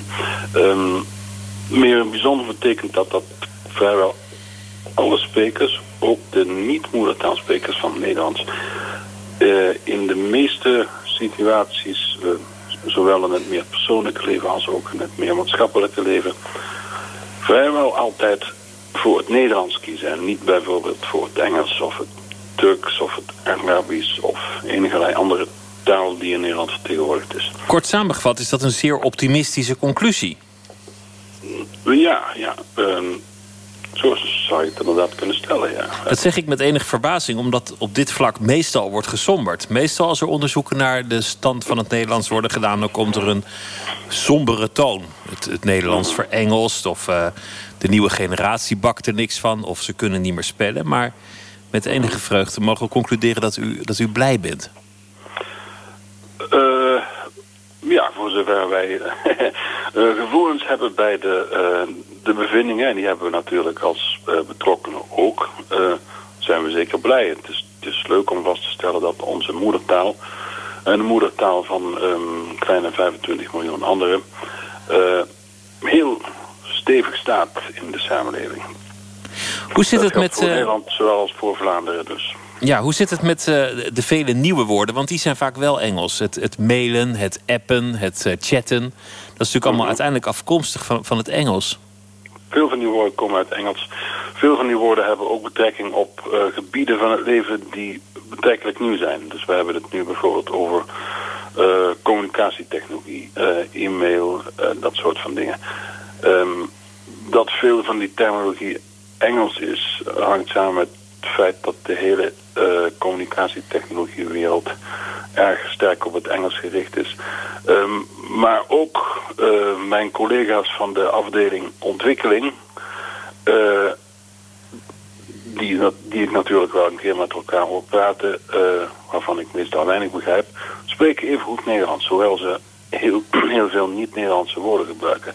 Die woorden die ze gebruiken, die technische vaktaal, zijn meestal afkomstig uit het Engels, maar ze worden ingebed in Nederlandse uitingen. Dus de zinnen die ze maken met die woorden, dat zijn wel degelijk zinnen volgens de regels en principes van de Nederlandse grammatica. Die woorden die worden ook aangepast aan de Nederlandse grammatica. Dus je kunt zoiets zeggen als, uh, uh, ik heb het bestand gesaved of zoiets. Dat zou een Engelsman nooit zo zeggen. Die zou dat deelwoord heel anders behandelen. Maar wij verhollandsen dat. En, dat, dat, is nog steeds voor... uh, goed nieuws dus voor het, uh, voor het Nederlands. Een uh, positieve conclusie van een groot onderzoek onder 6.500 gebruikers van de Nederlandse taal, Vlamingen en Nederlanders. Frans Hinskens, dank u wel en een goede nacht. Bye bye. Dank u. Dag. Goedenavond.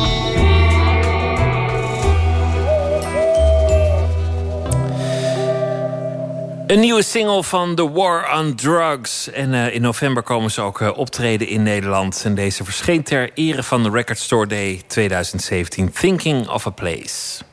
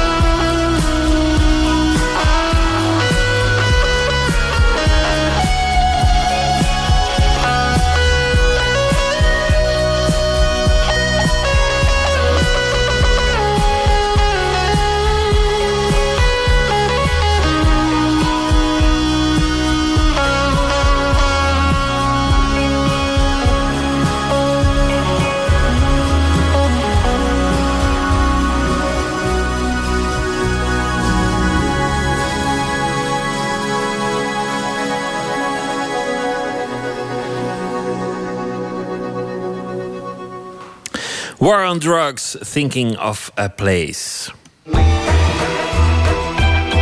Nooit meer slapen. Van bierfabrikant Heineken tot uh, cosmetica-merk Dove. Activisme in de reclame is ineens helemaal hip. Het politieke statement is een geliefde accessoire voor merken. Grote bedrijven weten dat heel goed en ze merken het ook. Niet elke campagne of reclame binnen het genre valt alleen altijd even goed. Onze verslaggever Nicole Terborg die spreekt uh, daarover met uh, merkstratege en reclameman Mark Oosterhout.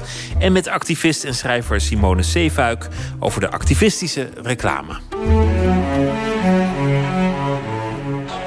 Maybe it was the contrast in clothing. This photo of police looking like something out of Star Wars, while the woman seemed to look beyond them as she was about to be handcuffed. Een zwarte vrouw, gekleed in een opwaaiende wit-zwarte printjurk tot haar enkels, bandjes op haar blote rug, zwarte ballerina's aan haar voeten.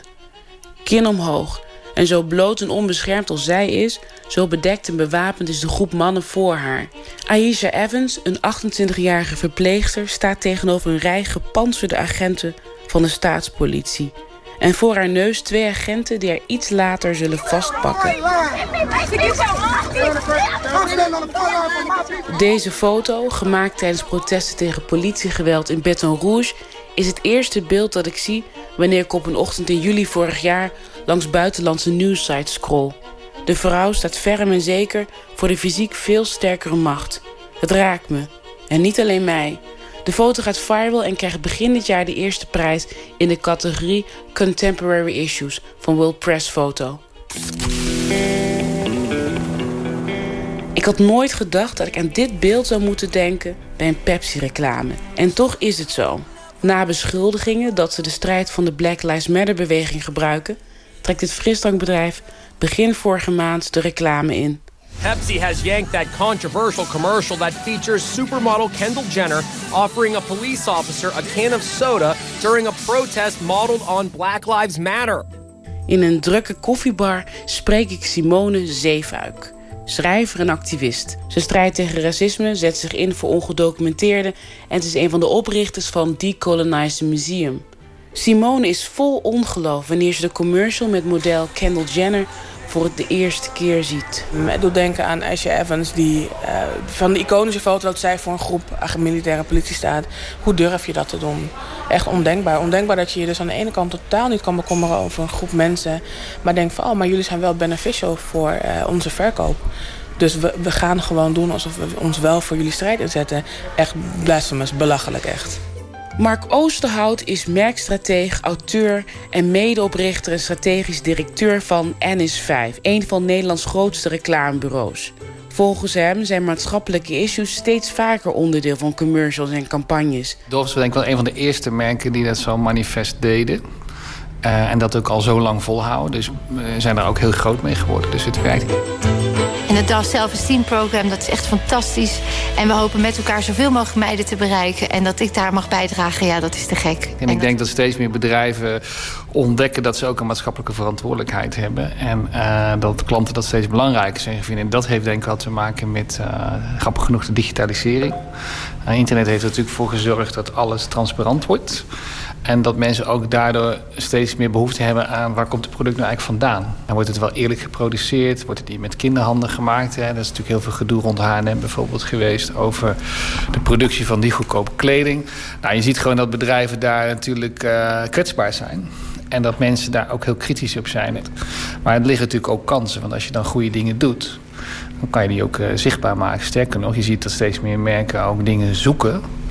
waar ze zeg maar iets goeds kunnen doen... en daar dan vervolgens op een voorzichtige manier communicatie over bedrijven.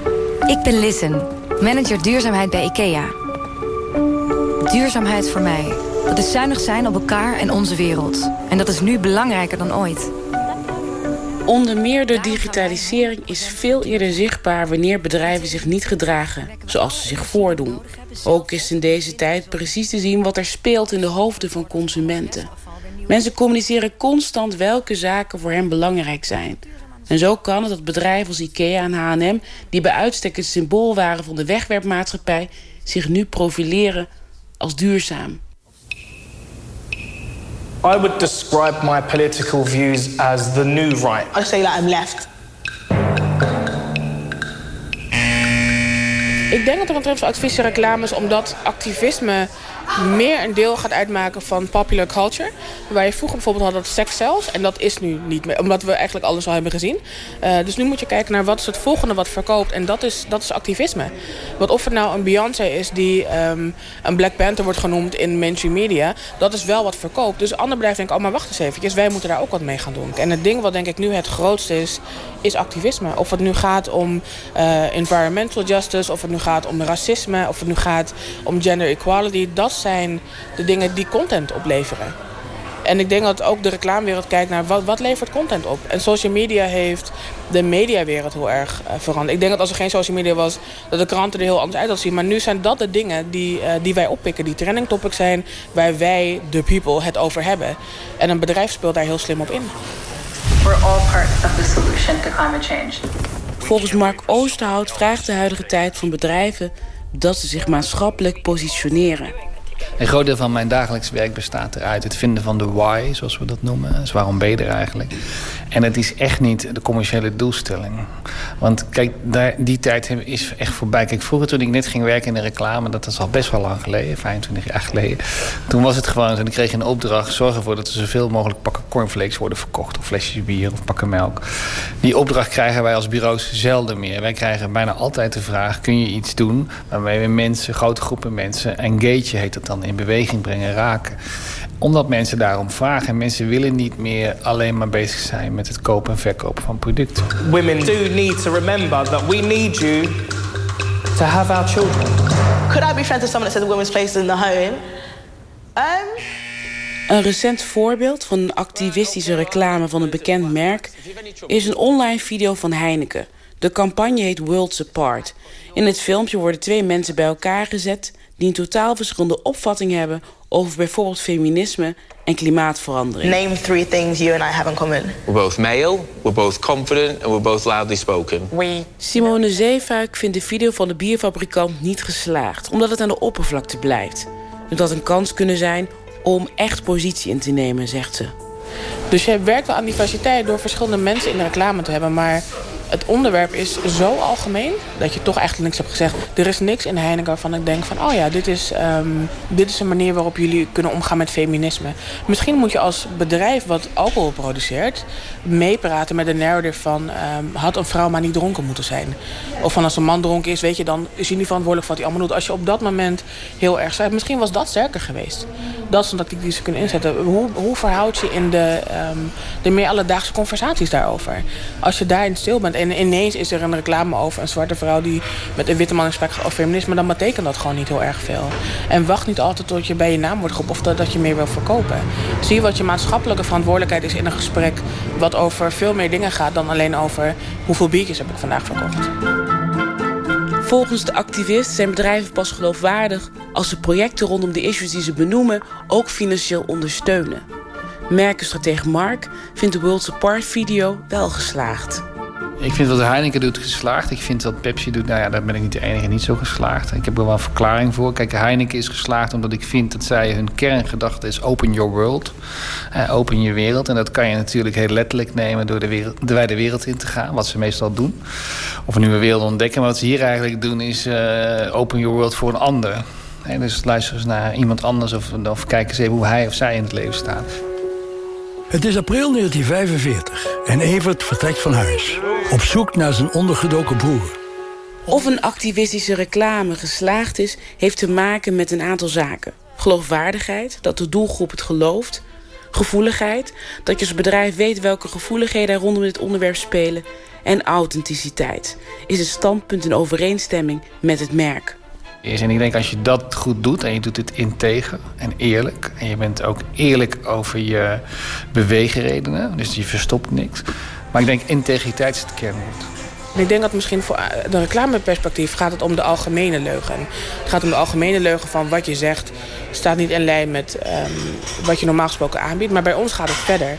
Bij ons gaat het over maar welke politieke, welke politieke stem laat je horen. Als dat nooit zo is, kan je dat niet gebruiken om je middelen te verkopen. Describe what it is like to be you in five adjectives. Okay, frustrating. Dedicated. Nou, ik heb dan als ik naar zo'n reclame kijk van Heineken, ik word daardoor geraakt. En tegelijkertijd denk ik van, ja, maar dat is gewoon een bedrijf. Zij willen gewoon winst maken. Eh, zijn die mensen geen acteurs? Uh, doen ze echt goed? Um, begrijp je dat ik die, die twijfels heb zelf als consument? Ja. Het is een, een dunne lijn. Eh, maar tegelijkertijd zie je wel dat, dat mensen het ook heel erg waarderen als een bedrijf uh, zich verantwoordelijk voelt bijvoorbeeld voor dit soort onderwerpen. En dan kom je er toch altijd achter, het is toch heel erg hoe je het doet. Pepsi was trying to project a global message of unity, peace and understanding, the company said in a statement. Clearly, we missed the mark and we apologize. En bij Pepsi bijvoorbeeld zie je dat het te gemakzuchtig gedaan is. Het is te veel reclame, denk ik. Uh, Zo'n model uitkiezen het is uh, heel reclamisch gefilmd. Daar gaan mensen natuurlijk ook heel kritisch voor. En denken ja, hier wordt mij gewoon een oor aangenaaid. En dat, uh, ja, dat kan in deze tijd gewoon niet meer. Uh, zorg ervoor dat je personeelsbestand een reflectie is van de maatschappij... waar je deel van uit op te maken. je kan niet in een ivoren toren zitten en voor ons bedenken... waar wij wel of geen behoefte aan hebben. Ik kan me niet voorstellen hoe een groep mensen eruit ziet... die denken van, weet je wat, zo'n Heineken-reclame is een supergoed idee. Um, die groep mensen kan niet divers zijn. En niet alleen divers qua identiteit, maar gewoon divers qua hun denkbeelden. Misschien moet je activisten inhuren om daarmee te werken... als je vindt van ik wil onderdeel zijn van die conversatie. 40.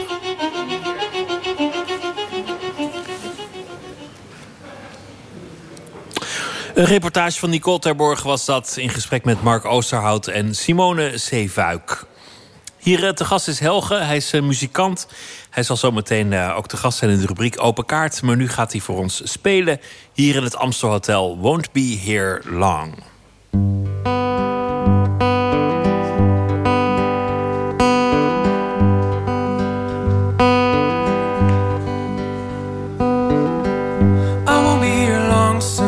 Gone. I'm just here to spend some time. I need a night to be away from everything. Is that alright?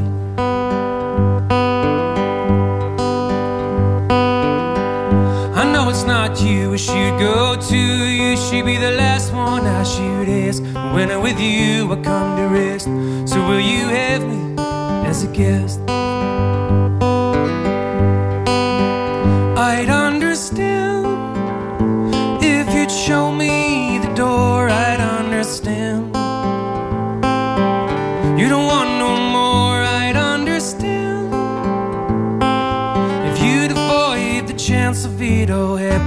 All over again.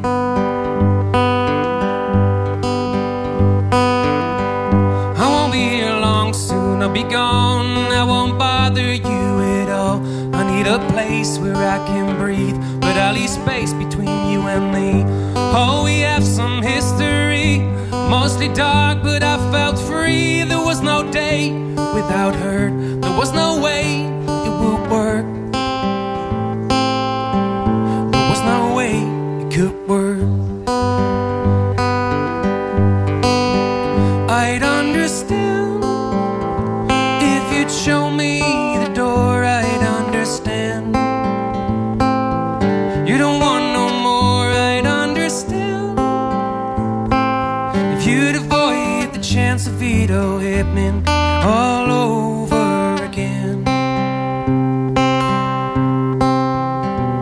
We could listen to the radio like we did a while ago. Sing along until the morning light. And I'll be gone when the morning comes. I just like to stay at night. It would be great, and that would be alright. I'd understand if you'd show me the door. I'd understand.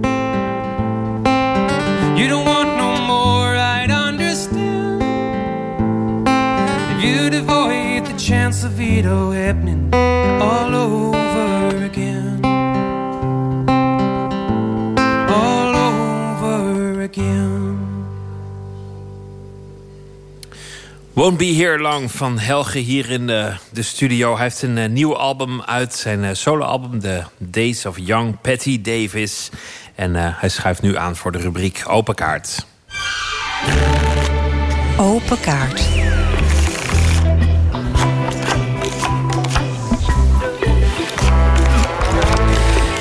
Helge Slikker speelde jarenlang in Band Story, Box en Happy Camper, Miss Molly en Me. Zijn eerste soloalbum is nu verschenen. En uh, u hoorde net al hem een uh, liedje daarvan spelen. The Days of Young Patty Davis. Hij maakt ook uh, muziek voor film en theater. Onder meer voor de bekroonde film Cowboy van Boudewijn Kolen. Alweer uit 2012. Prachtige kinderfilm met ook mooie muziek. Hartelijk welkom, Helge. Dankjewel, goedenavond. Het is ook een beetje een hommage, hè, deze plaat, aan, aan jouw muzikale helden. Die, uh, die, die ver uit elkaar liggen. En, uh, in, in de titel zit al een soort referentie aan Neil Young, Tom Petty en Miles Davis. Klopt, het is, het is de muziek waarmee ik ben opgegroeid. Het is eigenlijk een beetje een hommage aan die muziek... maar ook aan mijn jeugd en ook aan mijn, aan mijn ouders. Het is een, uh, een veelomvattende plaat wat dat betreft voor mij. En die muziek kwam ook van je ouders? In eerste ja, instantie? Mijn, mijn, mijn, mijn vader en mijn moeder draaiden... Ja, ik kom een beetje uit een hippie-nest. Dus ik heb een beetje een Bob Dylan, Neil Young uh, achtergrond. Maar mijn vader draaide ook... Uh, dus ook Miles Davis, maar ook U2. Heel verschillende dingen. En ik heb al die klanken die ik in mijn jeugd heb opgeslagen... heb ik nu gebruikt om deze plaat te maken. Maar het ligt nogal ver uit elkaar. Ik bedoel, uh, Tom Petty en Miles Davis... zijn Zeker. Geen, geen artiesten die ooit samengespeeld zouden hebben... als als het op hun pad was gekomen, denk ik. Nee, en daarom ben ik ook op zoek gegaan naar mijn eigen weg. Ik heb gewoon kleine invloeden uh, gebruikt. Zoals, er zit een hele mooie trompetsolo in... die echt wel een verwijzing is naar Miles Davis. Er zit een nummer in met de gitaarklanken van Tom Petty. En los van dat het hele concrete verwijzingen zijn... gaat het voor mij ook om de, ja, moet zeggen... Uh, de verwijzing überhaupt naar mijn, naar mijn jeugd. En de muziek die, die daarin uh, in, in, naar voren kwam. Voor een muzikant kan het ook een handicap zijn als je zo'n brede smaak hebt. Want dat betekent namelijk dat, je, dat als je een album gaat maken, dat je alles kan doen. En als je alles kan doen, dan maak je jezelf eigenlijk moeilijk in verhouding tot iemand die zichzelf beperkt. En meteen weet, dit wordt een punkalbum of een rock'n'roll album. Nou ja, dat kan inderdaad ook een beetje een beperking zijn. En, en, misschien ook wel een beperking die ik soms ook wel gehad heb. En nog steeds heb. Omdat ik, ik ben altijd op zoek naar uh, nieuwe dingen. Een nieuw, een nieuw kader, een nieuw raamwerk. Ik heb onlangs muziek geschreven voor de Drie Zusters van Tsjechov. Heb ik dat hele stuk heb ik vermusiceerd. En dat is totaal iets anders geworden dan de soloplaat die ik dan bijvoorbeeld nu maak. En misschien is dat ook wel de reden waarom ik op een gegeven moment filmmuziek ben gaan maken. Omdat je dan ook het recht hebt om helemaal in die film te duiken... en zijn eigen identiteit te gaan maken. Die film Cowboy, hè, dat is denk ik jouw bekendste filmmuziek uh, geworden tot nu toe. Ja. Ik denk dat de meeste mensen die die film... Nou ja, veel mensen hebben die film gezien... en de muziek is ook apart uh, geroemd en, en, en, bekroond daarvan. Speelt namelijk meer een rol dan alleen gewoon filmmuziek. Want de, de, de overleden moeder in de film, als ik me goed herinner... die was ook zangeres en haar liedjes speelden zo ook in het verhaal een rol. Klopt. Maar die kwamen dus eigenlijk allemaal van jou. Die liedjes kwamen allemaal van mij en uiteindelijk zijn die uh, gezongen door Ricky Kolen. Die de moeder speelde, die maar een kleine rol had in de film. Ja, maar door, door, door de liedjes die zij zingt... Ja. was de aanwezigheid juist eigenlijk dus heel groot. Hoe is het om, om met zo'n film aan de slag te gaan? Omdat het een, een heel verfijnde film is. Heel fijn gevoelig. En, en dan spelen jouw liedjes toch een grote rol dan, dan, dan, dan moet je eigenlijk oppassen dat je niet iets kapot maakt. omdat het zo'n fragiele film is. De vriendschap tussen een jongen en een kraai. Een, gezin dat gebukt gaat onder, uh, onder rouw. Nou, dat was ook een, zoektocht met de regisseur samen. En we zijn gelukkig al voordat de film gedraaid werd... zijn we al begonnen met te gaan kijken... Uh, wat voor type liedjes zouden zich hiervoor voor lenen voor deze film... en hoe ver, hoe ver country mag het zijn. Want het is, natuurlijk een beetje een country feel die het moet hebben. Maar soms moeten de liedjes ook heel klein en heel dichtbij komen. En dan, ja, dat, dat was een hele fijne puzzeltocht... die gelukkig heel goed in elkaar is gevallen. Je doet het ook veel voor, voor theater. Uh, daarnaast heb je ook in een aantal tamelijk grote bands gezeten. Happy Camper is, is uh, nou ja, wereldberoemd in Nederland, maar ook, ook daarbuiten inmiddels. Maar dit is jouw eerste echte soloalbum. Ja, nieuw terrein. Nieuw Gek terrein, genoeg. ja. Ja, nee, ik schrijf dus al sinds mijn... Uh, ik ben er vandaag achtergekomen, maar zo'n beetje... de helft van mijn leven schrijf ik al liedjes. Dus sinds mijn vijftiende, veertiende, vijftiende. En uh, nu mijn eerste soloplaat. En dat voelt hartstikke goed. Maar, maar, hoe is het anders om, om gewoon een album helemaal voor jezelf te maken? Is dat je minder dienend moet zijn aan een, aan een ander project? Zeker, veel minder, minder concessies. Maar ook, ook meer verantwoordelijkheid en iets meer zenuwen soms. Wat ik, wat ik eigenlijk heel leuk vind. Omdat ik altijd in groepen heb gewerkt en dan kan je alles, kan je alles delen. En ook de zenuwen kan je delen en ook de verantwoordelijkheden. En nu in één keer... Uh, ja, Ik, stond, ik had uh, mijn presentatie in de kleine komedie. En in één keer tien seconden voordat ik opkwam, dacht ik: Oh mijn god. Al die liedjes die ik dan nu geschreven heb voor deze plaat. En alle mensen die hier staan, alle mensen die in de zaal zitten. Die, dat, dat, ja, om, omwille van die plaat. En dat was eigenlijk ook wel een heel fijn besef in één keer.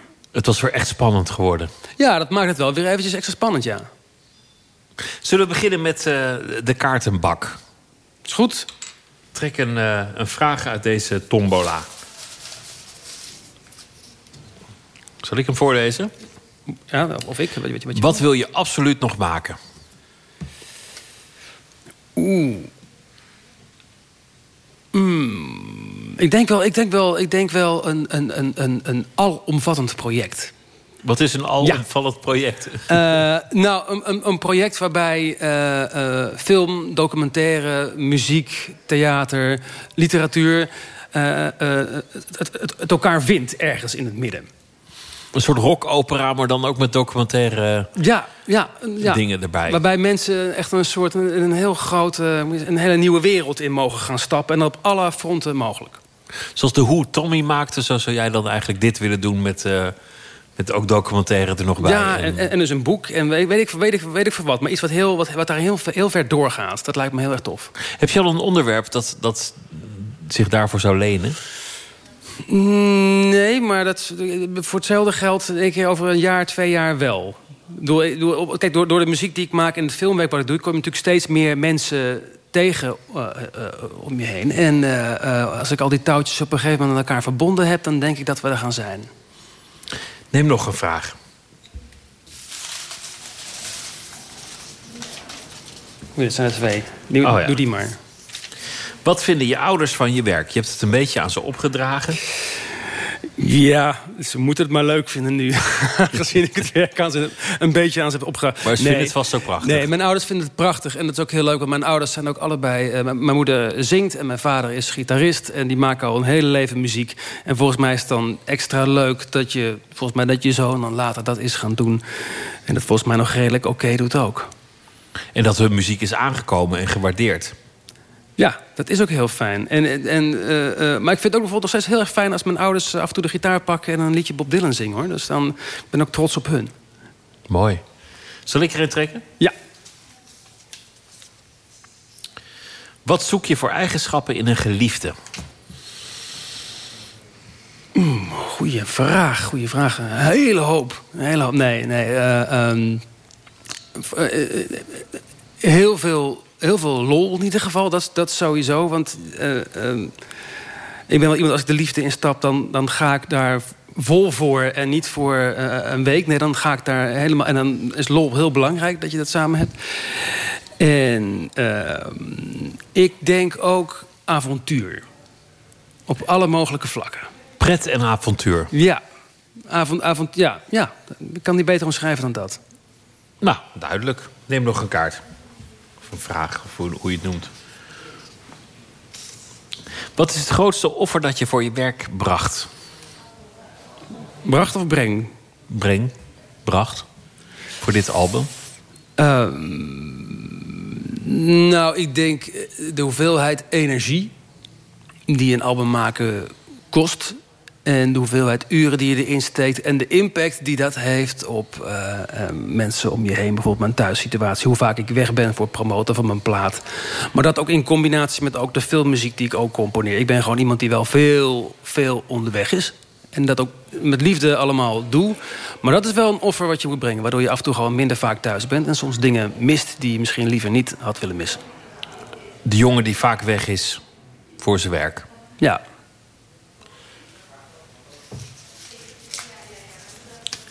Van welke collega's zou je nog wat kunnen leren? Och, ik denk dat bijna van elke collega wel iets, iets kan leren. Ik, ik, ik prijs me gelukkig dat ik met, allemaal, met heel veel mensen werk... Met, met, bij wie ik elke keer weer nieuwe dingen ontdek... en die mij dingen meegeven op muzikaal vlak... maar ook op, op vriendschappelijk vlak. Dus dat is, dat, dat, dat is bijna van iedereen. Doe er nog geen. Nou, kies jij maar de dunne of de dikke? Ja, deze. Ben je vatbaar voor verslavingen? Ja, dat denk ik wel. Waar ben je zoal verslaafd aan? Mm, Nou, ik ben, ik ben aan niks nu op dit moment verslaafd. Maar ik ben wel iemand die altijd gewoon moet oppassen. Ik, bedoel, ik heb heel veel gerookt vroeger. En dat, dat, stamt nog uit mijn tijd dat ik in Antwerpen op school zat. Op de, theaterschool. Waar het gewoon normaal was dat je tot een uurtje of zes in de kroeg zat. En dan gingen die twee pakjes gingen gewoon echt wel op. En dat kon ook nog wel eens gepaard gaan met, eh, de, met, twee pakjes bier, wou ik zeggen. Maar dat is natuurlijk niet, maar genoeg, genoeg biertjes ook. En al die dingen, die, dat zijn allemaal dingen die ik allemaal in principe prettig vind. Dus dat, daar moet ik gewoon oppassen. Op café gaan? eh, Ja, op café gaan. Maar dat is ook, ook weer inherent aan, aan het vak waar je je in begeeft. Ik bedoel, het is gewoon zeldzaam dat je na een voorstelling gelijk denkt... nou, ik zit weer lekker in mijn auto naar huis. Dat doe ik wel steeds meer, omdat het gewoon belangrijk is... dat je ook gewoon fit bent de volgende dag. En je moet je stem ook weer gebruiken. Dus, maar dat is wel iets wat bestaat, ja. Laten we nog geen... eh,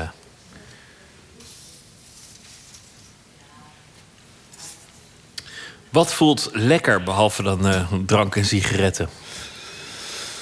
Hmm. Ehm, fietsen. Fietsen? Ja. Wiel- wielrennen of gewoon door de nee, stad, Nee, eh? wielrennen heb ik helemaal niks mee. En eh, echt actieve fietsers heb ik ook helemaal niks mee. Maar ik doe, ik doe één keer in de zoveel tijd...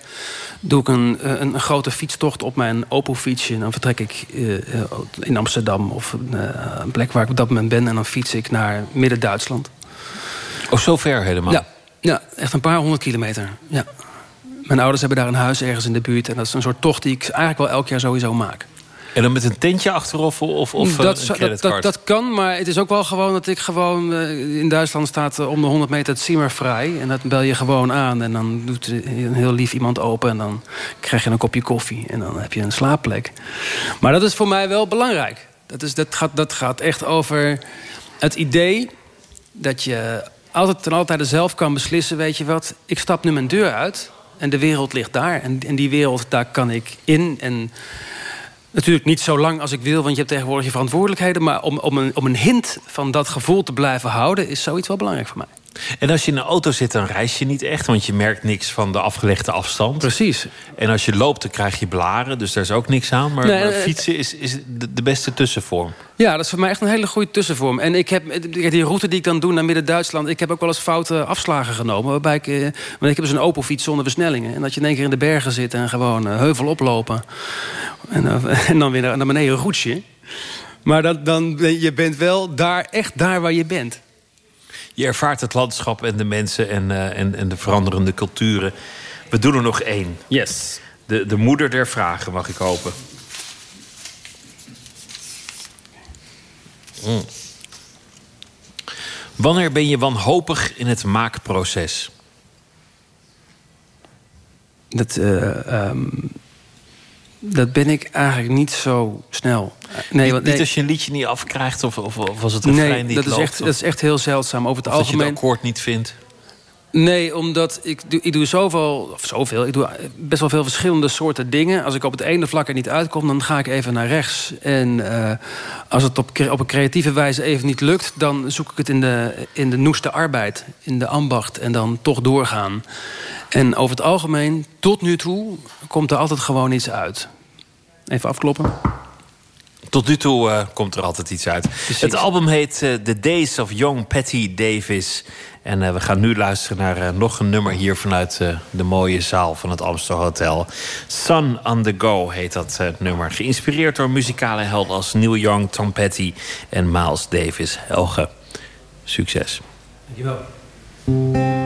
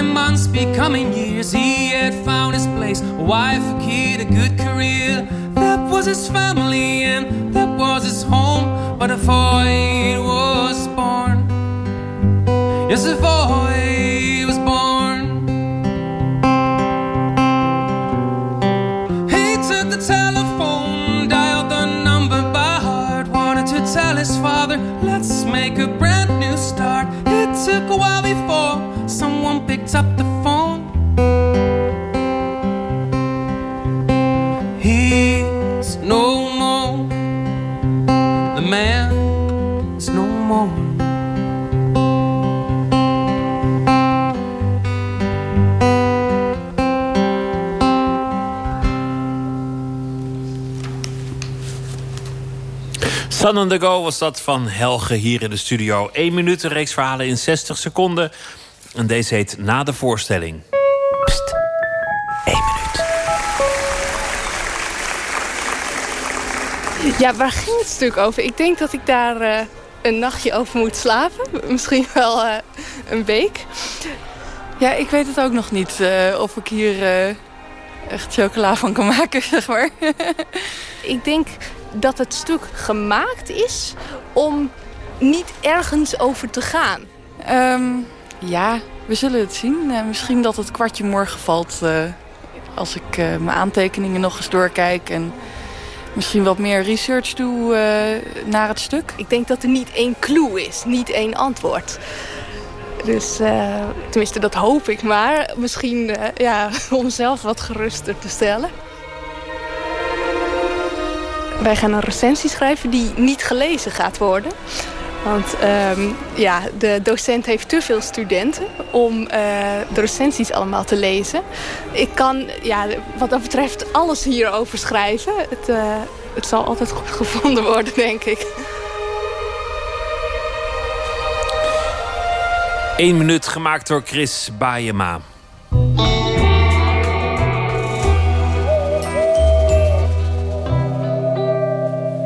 Ernest van der Kwast is deze week onze huisschrijver. Hij zal elke nacht een verhaal voordragen bij de voorbije dag. Hij heeft eh, meerdere succesvolle boeken geschreven. Soms zijn dingen mooier als er mensen klappen. Mama Tandori en het wonder dat niet omvalt en de ijsmakers. Goeienacht, Ernest van der Kwast. Goeienacht. Hallo. Zo, wat, eh, wat, voor, wat voor dag heb je achter de rug en wat heeft je geïnspireerd vandaag? Ik ga het voorlezen. Oké. Bij rellen geen huldiging. Dat was de boodschap die burgemeester Ahmed Abu Taleb vorige week tijdens een persconferentie in het stadhuis van Rotterdam verkondigde. Afgelopen zondag verloor Feyenoord van Excelsior, dus was er sowieso geen huldiging. Maar er werd wel gereld. De burgemeester zag het met eigen ogen. Hij keek mee via camera's op straat en zag mensen met hekken en stenen gooien supporters zochten de confrontatie met de politie. Ik zag veel tieners, zegt Abu Taleb in het AD Rotterdams Dagblad van vandaag. Maar ook mannen waarvan ik denk, wat doe jij hier? Ga naar huis, ga je dochter voorlezen. Er zijn honderd railschoppers door de politie aangehouden... maar de politie verwacht uh, op basis van beelden nog meer aanhoudingen te verrichten. Op zondag heeft Feyenoord een herkansing. Als de club tegen Heracles wint, vindt maandag de huldiging plaats. Er waren tientallen raddraaiers en kleine ongeregeldheden, vertelt de burgemeester in het ADRD. Het zou raar zijn om honderdduizenden anderen daardoor te benadelen. Maar we blijven monitoren en we kunnen altijd anders beslissen. Misschien is het inderdaad wat overdreven om de huldiging af te lassen. Maar ik had toch meer van Abu Talib verwacht. De man die ferme taal kan hanteren zoals een kok. Dit is zo achterlijk, dit is zo onbegrijpelijk, zei hij in januari 2015. Verdwijn als je in Nederland je plek niet kunt vinden. Mag ik het zo zeggen? Rot toch op. Het betrof de aanslag op Charlie Hebdo en Abu adre- adresseerde toen sympathisanten van de IS. Een totaal ander kaliber dan hooligans die de stad slopen. Maar toch, ga naar huis, ga je dochter voorlezen, staat in geen enkele verhouding tot rot toch op. Nee, dat is, eh, dat is inderdaad een, eh, een, een heel andere, andere soort uitspraak. Misschien ook wel omdat hij er dit keer meteen daden aan zou moeten verbinden. Ik bedoel, in het, in het geval van Charlie kon hij nog vrijblijvend iets roepen. Want dan was er niemand die dacht dat hij de volgende dag ook meteen daad bij woord moest voegen. Maar als je iets over hooligans in je eigen stad roept als burgemeester, dan moet je ook wel vervolgens een maatregel Mhm. daarbij verzinnen. Ja, maar toch is het erg slap. Want hij heeft vorige week gezegd, bij rellen gaat het niet door die huldiging. Nu heeft Feyenoord zelf om zeep geholpen door bij Excelsior te verliezen. Maar ja, het is gezegd. Als ik tegen mijn kinderen zeg van... eh, als, je, als, je, als je met die deur smijt, dan, dan mag je morgen niet op de iPad. En als er dan toch met die deur wordt gesmeten... al is het misschien iets zachter dan, dan, dan normaal... Dan, ja, je moet toch consequent zijn. We zitten nu met een burgemeester die niet eh, consequent is geweest eigenlijk. Dus die supporters denken ook, ja, nou ja, goed. Dus daar zit ergens een beetje de pijn. Kijk, ik ben erg voorstander van een burgemeester die tegen iedereen zegt: ga je dochter voorlezen. Ik vind dat er, dat er meer aan dochters moet worden voorgelezen. Eh, dat kan nooit genoeg zijn. Maar, maar ja, ik vind toch, ja, ergens, is, er- ergens die dubbele eh, mate die, eh, waarmee gemeten wordt. Ja, dat, dat betoog begrijp ik. En ook mooi dat je iets uit je eigen ouderlijke praktijk erbij haalt. Want het is toch de burgervader waar we het over hebben. Maar ergens begrijp ik ook wel dat, dat ja, als, als een paar mensen er een ongelofelijke bende van maken, dat, dat dan het hele collectief daar weer de dupe van moet zijn.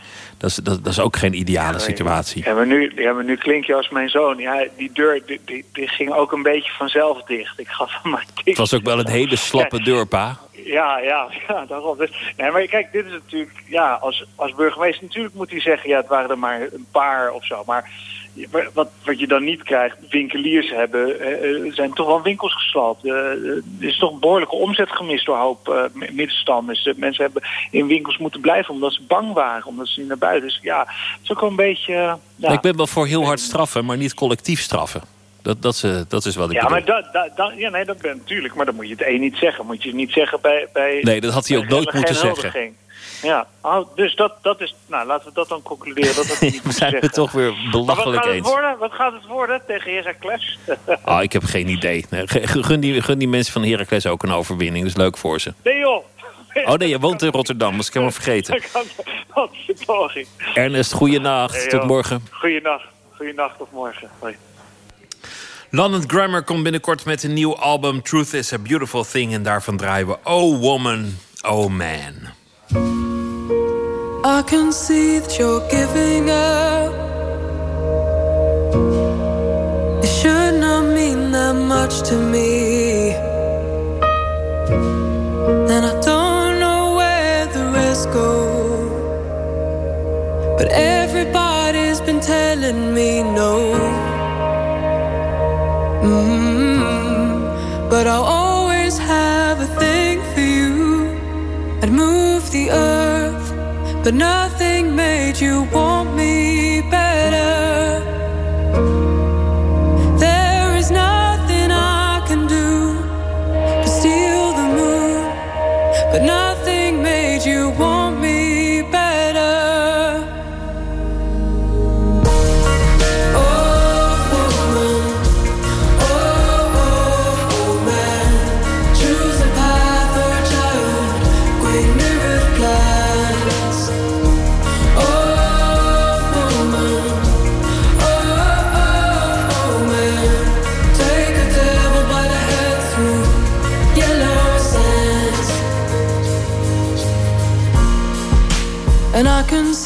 You're giving up. So tell me, it should not mean this much to me. And I don't know where the rest goes.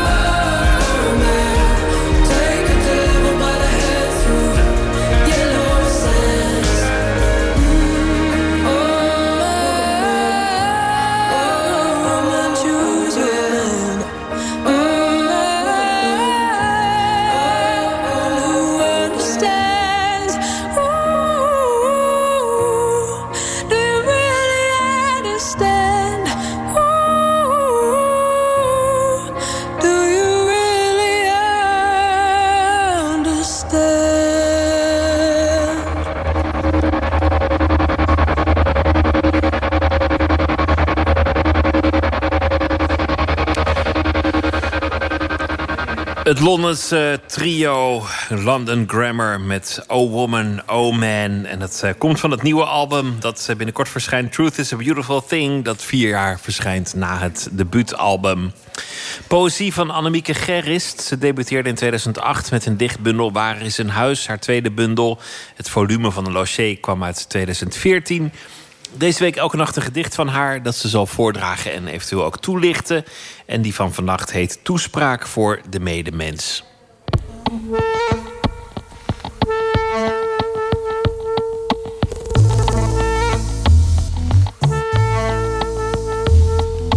Deze toespraak is onderdeel van een kunstwerk wat ik heb gemaakt... waarbij ik toespraken heb geschreven die voor iedereen kunnen zijn... en door iedereen gehouden kunnen worden...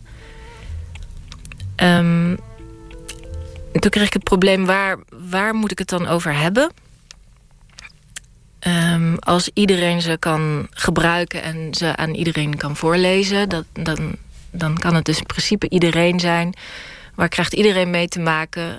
Uh, geboorte en dood. Dus die schreef ik als eerste. En toen dacht ik, nou, als er, als er geboorte en dood is... dan is er ook een midden van het leven. Dus er, toen kwam er ook een toespraak voor het midden van het leven... Toen kwam er een over postuum. En toen dacht ik, nou, dan ga ik er ook nog één schrijven... voor de medemens die ze dan houdt. Daar is deze uit voortgekomen.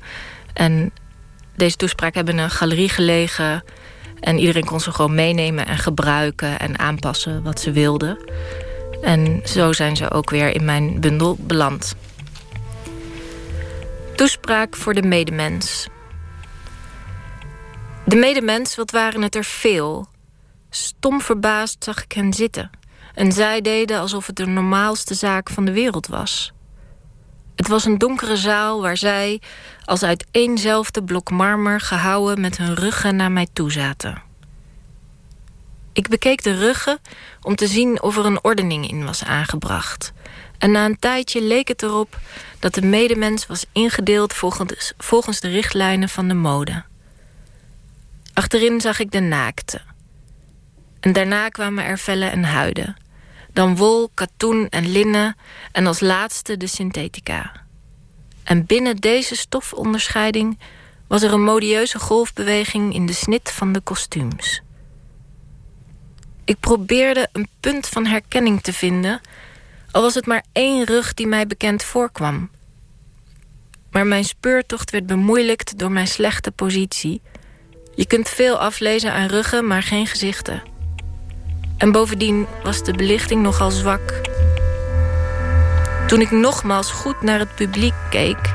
viel het mij op dat zij voornamelijk uit blanke huiden bestond. Kennelijk was dit een westerse aangelegenheid. Annemieke Gerrits met het gedicht Toespraak voor de medemens. Morgen in Nooit meer slapen Nora Fischer. Ze is sopraan. Ze komt uit een uh, beroemde familie. Haar vader was dirigent, haar moeder blokfluitist. Ze is uh, bekend geworden met een heel uiteenlopend oeuvre... van uh, jazz via rock'n'roll tot hedendaags klassiek. Maar ze gaat nu zingen op de operadagen in Rotterdam. Muziek van componisten als Monteverdi en Porcel. En dat begeleid door een elektrische gitaar. Dat allemaal morgen in Nooit meer slapen. Voor nu een hele goede nacht.